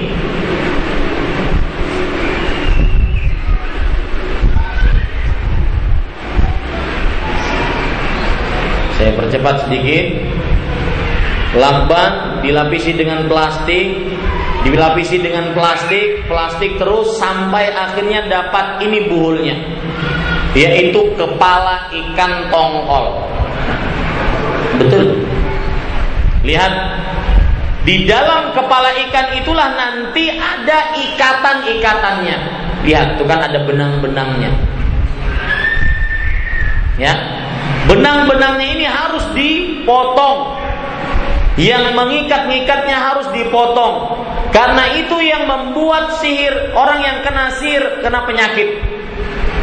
Itu yang membuat pengaruh buruk terhadap orang yang kena sihir. Ya, kepala ikan Kemudian padahal bulu buhul di dalamnya kecil saja. Ya, kecil sekali. Tapi disimpan di dalam kepala ikan tersebut. Ini para ikhwan Biasanya kenapa disuruh kepala ikan, disuruh ini, disuruh itu? Biasanya itu adalah bentuk bisikan jin untuk jin agar ditaati. Di situlah letak buruknya perbuatan sihir. Maka e, tanda ciri tukang sihir yang kelima yaitu senantiasa minta pertolongan dengan jin. Ya, nah ini ini prakteknya. Ini buhulnya. Ya. Kecil sekali. Selalu ada ikatan-ikatan selalu pokoknya. Percaya dia sama saya. Sihir selalu ada ikatan-ikatan seperti itu. Nah ini harus dibuka, kemudian harus dijampi-jampi sehingga pengaruh sihirnya lepas. Nah, lihat di dalam benang ini pun, ya lihat ini benang.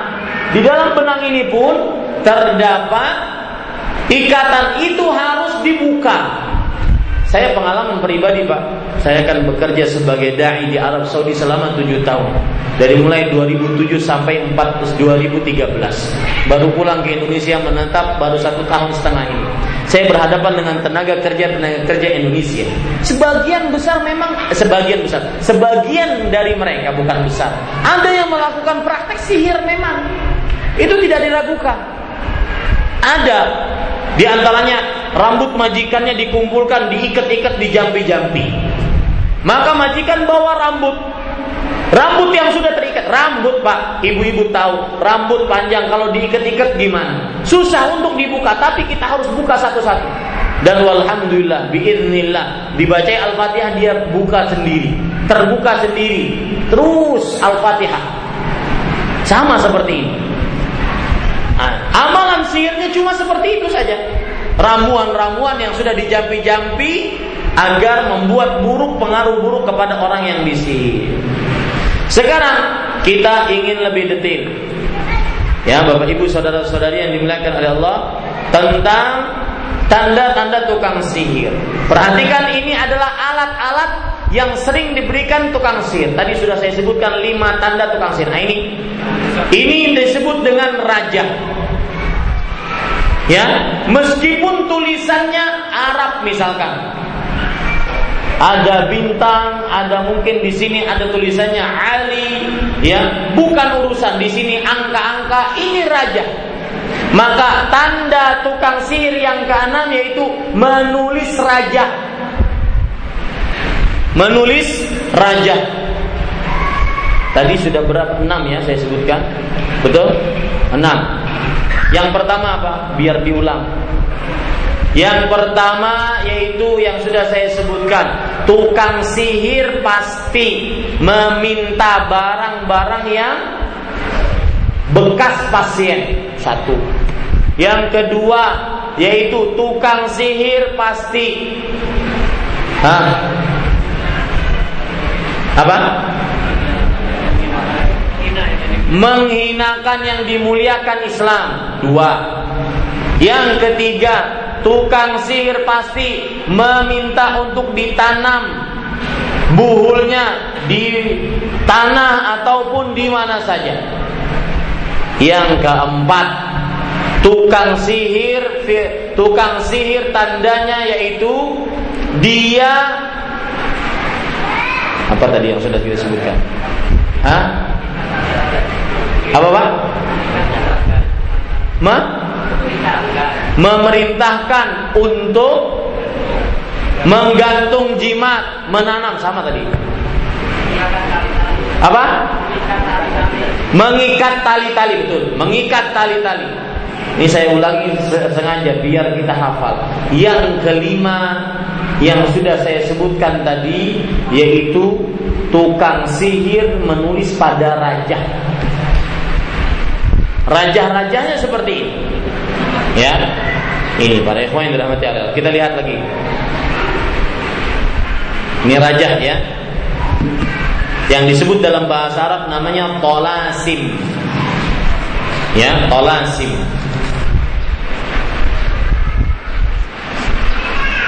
Ini juga raja, tulisan-tulisan sama saja. Ya,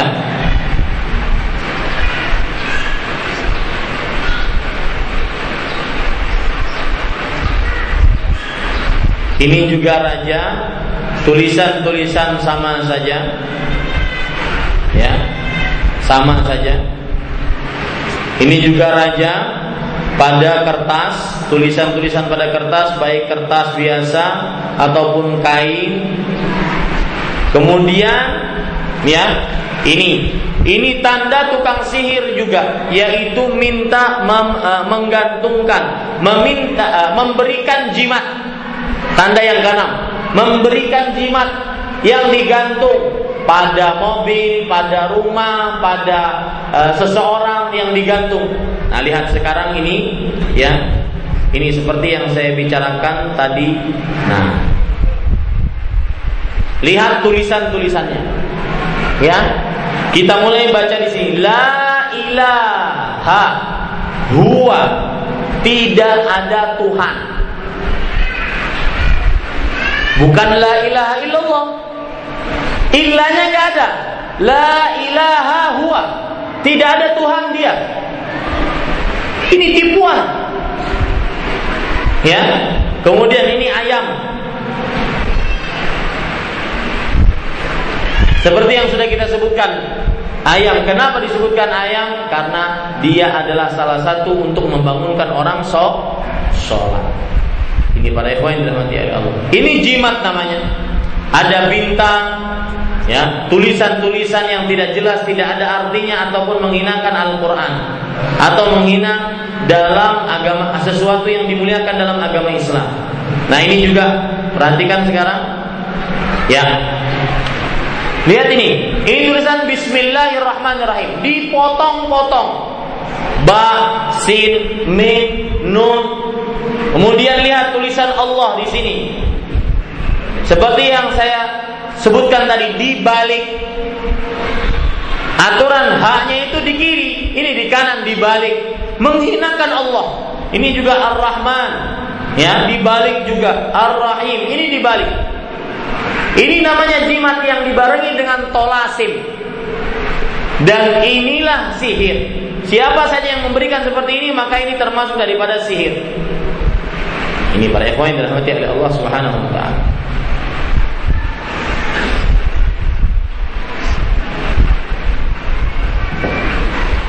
Ini jimat, ini tamimah-tamimah yang sudah kita jelaskan malam tadi. Tamimah-tamimah yang biasa dipakaikan kepada anak-anak kecil. Ya, ini juga siapa yang memberikan ini maka berarti dia tukang sihir. Tamimah dengan segala macam bentuknya. Ya. Ini juga tamimah, tamimah dengan segala macam bentuknya. Dan di situ terdapat paku. Kadang-kadang paku tersebut untuk memberikan pengaruh buruk terhadap orang. Kadang tamimah ada yang salib seperti ini. Maka ini di samping dia jimat, tamimah, dia juga salib diharamkan seorang muslim untuk memakainya.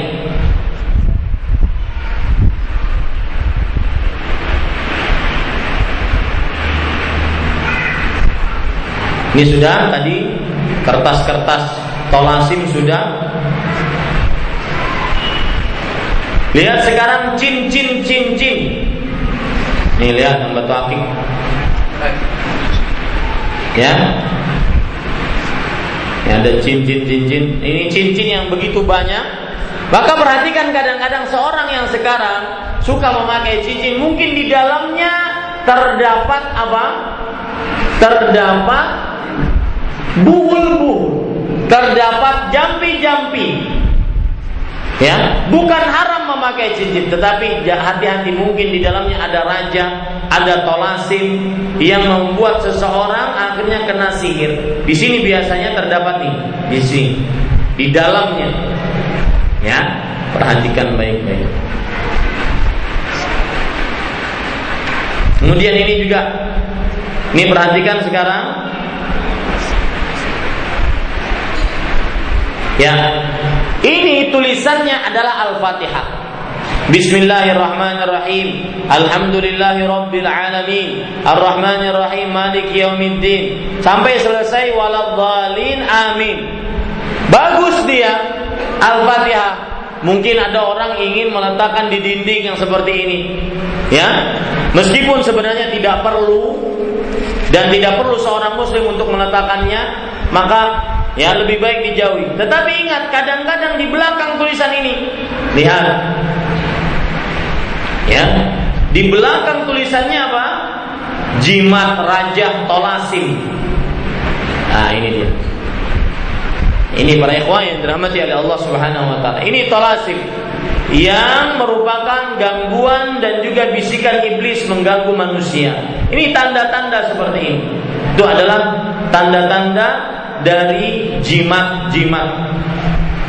Nah ini baju daster untuk perempuan yang sudah ada hijabnya. Dalam artian hijab ada rajahnya. Maka ibu-ibu hati-hati. Dan di zaman sekarang saya kemarin baru lihat di Saudi di zaman sekarang lagi model. Perempuan coraknya itu ayat-ayat. Huruf-huruf Arab. Haram dibeli itu daster-daster coba kalau ibu ada yang umroh ada daster-daster tulisannya huruf Arab itu haram dibeli karena ditakutkan itu adalah raja-raja Ya.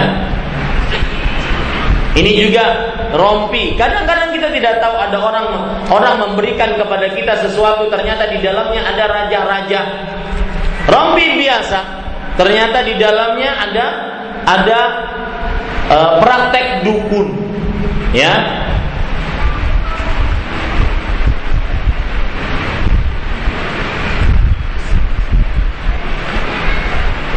Lihat, di dalam rompi tersebut ya ada rajahnya saya pernah punya pengalaman sampai sekarang saya masih punya kawan staf ahli menteri. Ketika staf ahli menteri ini mencalonkan jadi bupati, subhanallah, banyak sekali hadiah-hadiah datang menjadi bupati. Banyak sekali hadiah-hadiah datang. Di antaranya cincin, di antaranya jas, maka saya beritahu kepada orang tersebut, saya bilang hati-hati, Jangan-jangan itu ada sihir padanya. Ya, ini para ikhwan yang dirahmati oleh Allah Subhanahu wa taala. Kemudian Bapak Ibu saudara-saudari yang dimuliakan oleh Allah, ini Quran. Nah, Quran ini terdapat pelajaran menarik. Tukang sihir punya Quran, tapi Qurannya tidak lengkap. Dia tidak bisa melengkapkan dua ayat terakhir dari surat Al-Fatihah. Nah, di sini saya katakan salah satu salah satu cara untuk menangkal sihir adalah sering-sering baca surat Al-Baqarah di dalam rumah. Satu. Yang kedua, sering-sering membaca dua ayat terakhir dari surat Al-Baqarah sebelum tidur. Dua. Yang ketiga, membaca ayat kursi sebelum tidur. Ini tindakan-tindakan preventif untuk menangkal sihir sebelum terjadi. Bacai rumahnya surat Al-Baqarah Dua ayat terakhir dari surat Al-Baqarah Ayat kursi. Yang keempat Solat Karena Allah berfirman Inna salat tanha anil fasya wal munkar. Yang lihat ini tidak bisa melanjutkan. Al-Qur'annya dipotong dihilangkan dua ayat terakhir dari surat Al-Baqarah. Karena memang Rasulullah SAW bersabda, "Man qara'a bil ayataini min akhir surat Al-Baqarah kafata." Barang siapa yang membaca dua ayat terakhir dari surat Al-Baqarah, maka dia akan dicukupkan untuknya, dicukupkan, dijaga dari pengaruh sihir. Sudah berapa tadi? Baca surah Al-Baqarah, baca dua ayat terakhir dari surah Al-Baqarah, baca ayat kursi, sholat, Kemudian membaca kul huwallahu ahad, kul a'udzu falaq, kul a'udzu nas. Ini sebagai tindakan representatif. Artinya penolak penanggulangan sebelum terjadi. Representatifnya begini. Ya, sebelum terjadi. Yaitu dengan apa? Membaca Kul huwallahu ahad, kul a'udzu birabbil falaq, kul a'udzu birabbin nas. Rasul sallallahu alaihi wasallam bersabda, "Ma ta'awadza muta'awwidun bimithlihinna Seorang yang meminta perlindungan tidak akan pernah mendapatkan perlindungan yang lebih kuat dibandingkan dengan membaca tiga surat ini. Yang keenam, menanggulangi perbuatan sihir, gangguan syaitan. Ketika keluar rumah membaca Bismillah, tawakkaltu 'ala Allah, wala haula wala quwata illa billah. Lanjutan cerita dukun yang saya ceritakan tadi yang nangis tadi.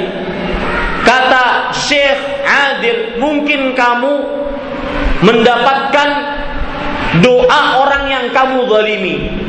Tukang sihir itu adalah orang yang suka menzalimi orang. Memisahkan antara ayah, antara suami dengan istrinya. Memisahkan antara anak dengan orang tuanya. Gara-gara sihir. Maka orang mungkin yang terzalimi berdoa.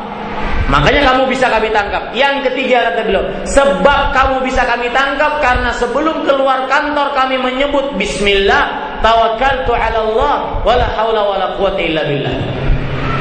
Kata Rasulullah barang siapa yang keluar rumah mengucapkan doa ini maka faqad hudiya wa kufiya wa ukiya. Dia akan diberikan petunjuk. Nangkap tukang sihir. Dia akan diberikan petunjuk untuk jauh dari maksiat, untuk jauh dari dari gangguan syaitan. Wa kufiya dicukupkan dan dijaga. Ini tindakan-tindakan representatif untuk tidak terkena sihir. Ya, Wah ini habis waktunya. Saya akan memperlihatkan dukun terakhir. Ya, dukun yang kita ceritakan dari tadi, inilah dukunnya. Dia ini film sudah lama, video sudah lama, ya.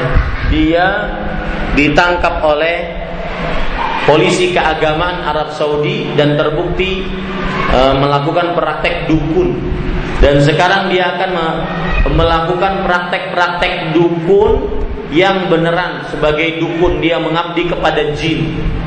Ya, di antaranya harus pakai adat kemenyan.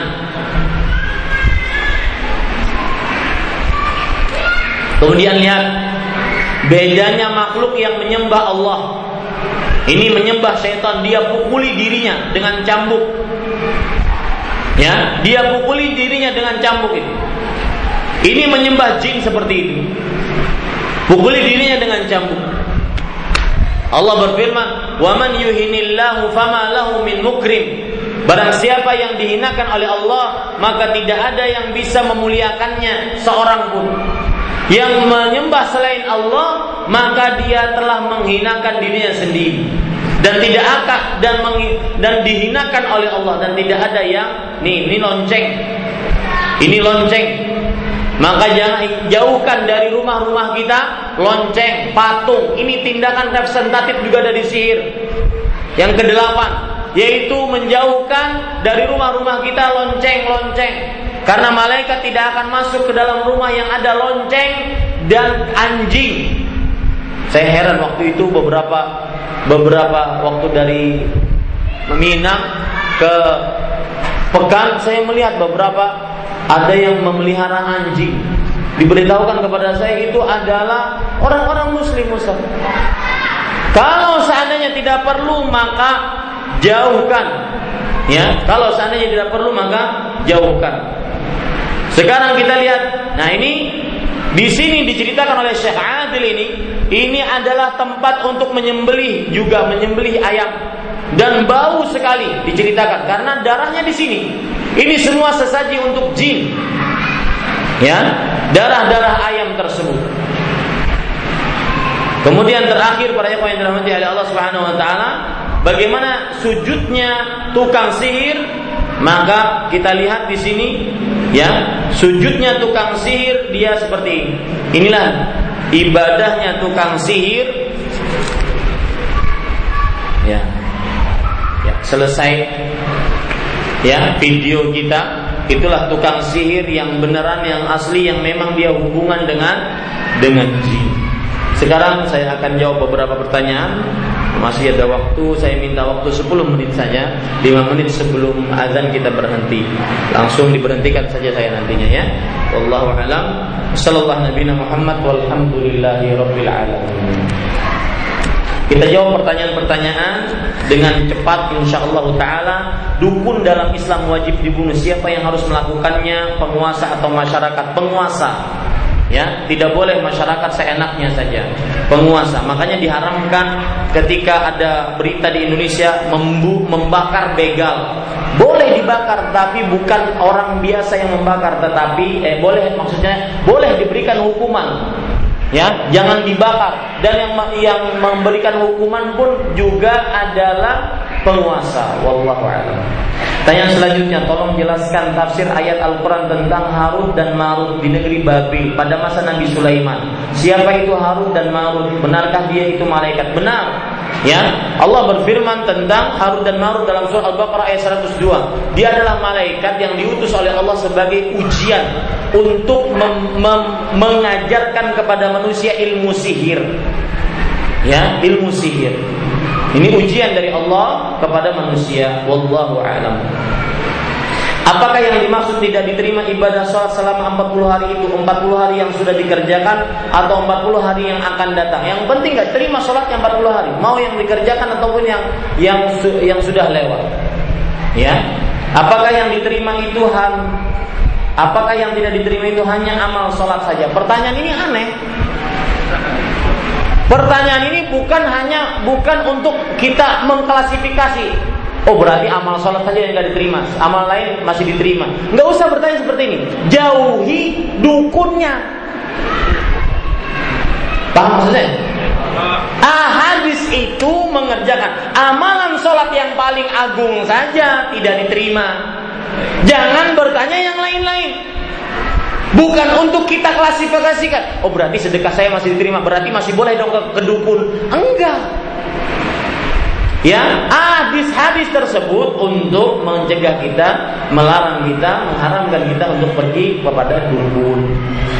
A'lam. Saya pernah ke Seleo, kemudian saya pergi ke tukang pijit. Tukang pijitnya kalau hari Selasa tidak mau menerima pasien. Apakah itu tukang pijit memakai jin? Apakah tanda-tanda tukang pijit yang punya jin? Tanya sama tukang pijitnya ya jangan sampai suudzon kita. Mungkin di hari Selasa ada hari keluarga atau hari apa. Ya wallah. Nanti kasihan tukang pijit di suudzon. Harus ada bukti yang nyata. Nah, makanya saya sebutkan kan tadi tanda-tanda tukang sihir. Wallahu a'lam. Samakah hukumnya orang yang lupa baca al-fatihah dalam sholat dengan orang yang salah bacaannya? Tidak sama. Yang salah itu lupa ataupun karena kelupaan. Kalau seandainya dia lupa surat-surat selain Al-Fatihah maka masih dimaafkan. Ya, wallahu Saya sering emosi yang tidak wajar, gampang marah dengan istri, anak dan kalau tidak saya keluarkan amarah saya terasa sakit di kepala dan pun dan e, pundak saya. Apakah saya boleh meminta dirukyah? Karena saya pernah mendengar bahwa 70 ribu umat Nabi Muhammad SAW kita akan masuk surga tanpa hisab. Salah satunya orang yang tidak minta dirukyah. Maka benar hadisnya. Yang masuk surga tanpa hisab, tanpa adab adalah orang yang tidak meminta dirukyah. Tapi kalau ditanya apa hukum minta rukyah seperti pertanyaan tadi, maka hukumnya boleh. Sebagian sahabat minta rukyah kepada Rasulullah. Boleh. Ya tidak dilarang. Kalau diperlukan boleh. Cuma tadi lebih baik tidak minta dirukyah. Kecuali kalau orang ingin merukyahkan itu urusan dia. Adapun minta maka ya lebih baik tidak. Tetapi boleh kalau minta. Misalkan kalau sudah tidak sanggup lagi merukyah diri, diri sendiri atau keluarganya tidak sanggup merukyah, maka pada saat itu dia apa namanya minta boleh. Wallahu a'lam. Salah satu syarat taubat mengembalikan hak-hak anak Adam. Kalau syarat itu belum terpenuhi, bagaimana dengan taubatnya? Nah, ini sulitnya. Ini sulitnya bertobat kalau kita punya tanggungan terhadap orang lain. Makanya Bapak Ibu, saya peringatkan jangan pernah berhutang. Karena hutang itu tidak akan diampuni kecuali harus dibayar. Karena hutang itu berkaitan dengan hak manusia. Hutang itu nanti akan dimintai pertanggungjawaban di akhirat. Yang punya hutang, dia akan bayar dengan pahalanya. Kalau habis pahalanya, dia akan dapatkan dosa dari orang yang mengutanginya. Begitu. Nggak ada maaf-maafan nanti di akhirat. Karena semua ingin banyak pahala agar bisa masuk surga. Maka hati-hati kalau kita punya tanggungan terhadap orang lain. Minta halal sekarang. Sebagaimana hadis Rasul. Riwayat Bukhari. Man kanat lahu mazlamatun li akhihi falyatahallal minhu al-yawm. Qabla an la yakuna dinarun wala dirham. Barang siapa yang dia mempunyai kezaliman terhadap saudaranya. Maka minta halal hari ini. Sebelum tidak ada emas dan perak untuk bayar. Di hari kiamat nggak ada bayar. Kita bayarnya pakai pahala. Kalau pahala kita habis, maka kita dapat dosa naudzubillah. Maka hati-hati, hak-hak orang lain. Mungkin dia ahli ibadah, sholat, puasa, zakat, haji, tapi kalau bayar, kalau ngutang nggak bayar, maka jauhi. Ya, wallahu. Dan sebagian ulama mengatakan, kalau seandainya seorang punya hutang, maka dia harus bayar. Ternyata yang menghutanginya pindah, Misalkan pindah ke Padang, cari sampai di sana di Padang. Pindah lagi Ustaz ke Irian, cari di Irian. Ya, lebih baik sulit di dunia. Sampai di Irian, Ustaz baru tadi pagi dia meninggal. Cari keluarganya. Oh, keluarganya pindah ke Jakarta, kembali lagi ke Jakarta. Ustaz keluarganya tabrakan semua meninggal. Gimana? Maka baru setelah itu fatwa ulama mengatakan bayarkan sedekah untuknya. Dan banyak-banyak beristighfar. Bayarkan sedekah untuknya dan banyak-banyak beristighfar untuknya. Tapi di hari kiamat itu pun masih inisiatif. Artinya di hari kiamat kita masih akan berhadapan dengan orang yang mengutangi kita. Mana pahala saya? Oh saya sudah bayarkan, saya sudah sedekahkan. Oh itu kan urusan kamu. Saya butuh pahala, mana pahala? Itu inisiatif, Pak. Karena semua orang ingin masuk surga dan semua orang memerlukan pahala. Inilah makna perkataan para ulama uh, hukukul adamiyin mabniyatun 'alal musyahah. Artinya hak-hak manusia dibangun di atas saling meminta. Wallahu alam. Satu lagi, orang yang terkena sihir apakah sudah takdir Allah? Semuanya takdir Allah ya tidak keluar dari dari takdir Allah Subhanahu wa taala. Dan orang yang sudah terkena sihir apa solusinya? Nah, ini ini jawaban sebagai poin yang belum kita bahas. Bagaimana mengobati orang kena sihir? Yang pertama, doa banyak-banyak. Agar Allah menghancurkan buhulnya. Yang kedua diruqyah. Yang ketiga cari buhulnya. Itu tiga minimal untuk orang-orang yang kena sihir diobati. Ini yang bisa saya sampaikan kajian kali ini.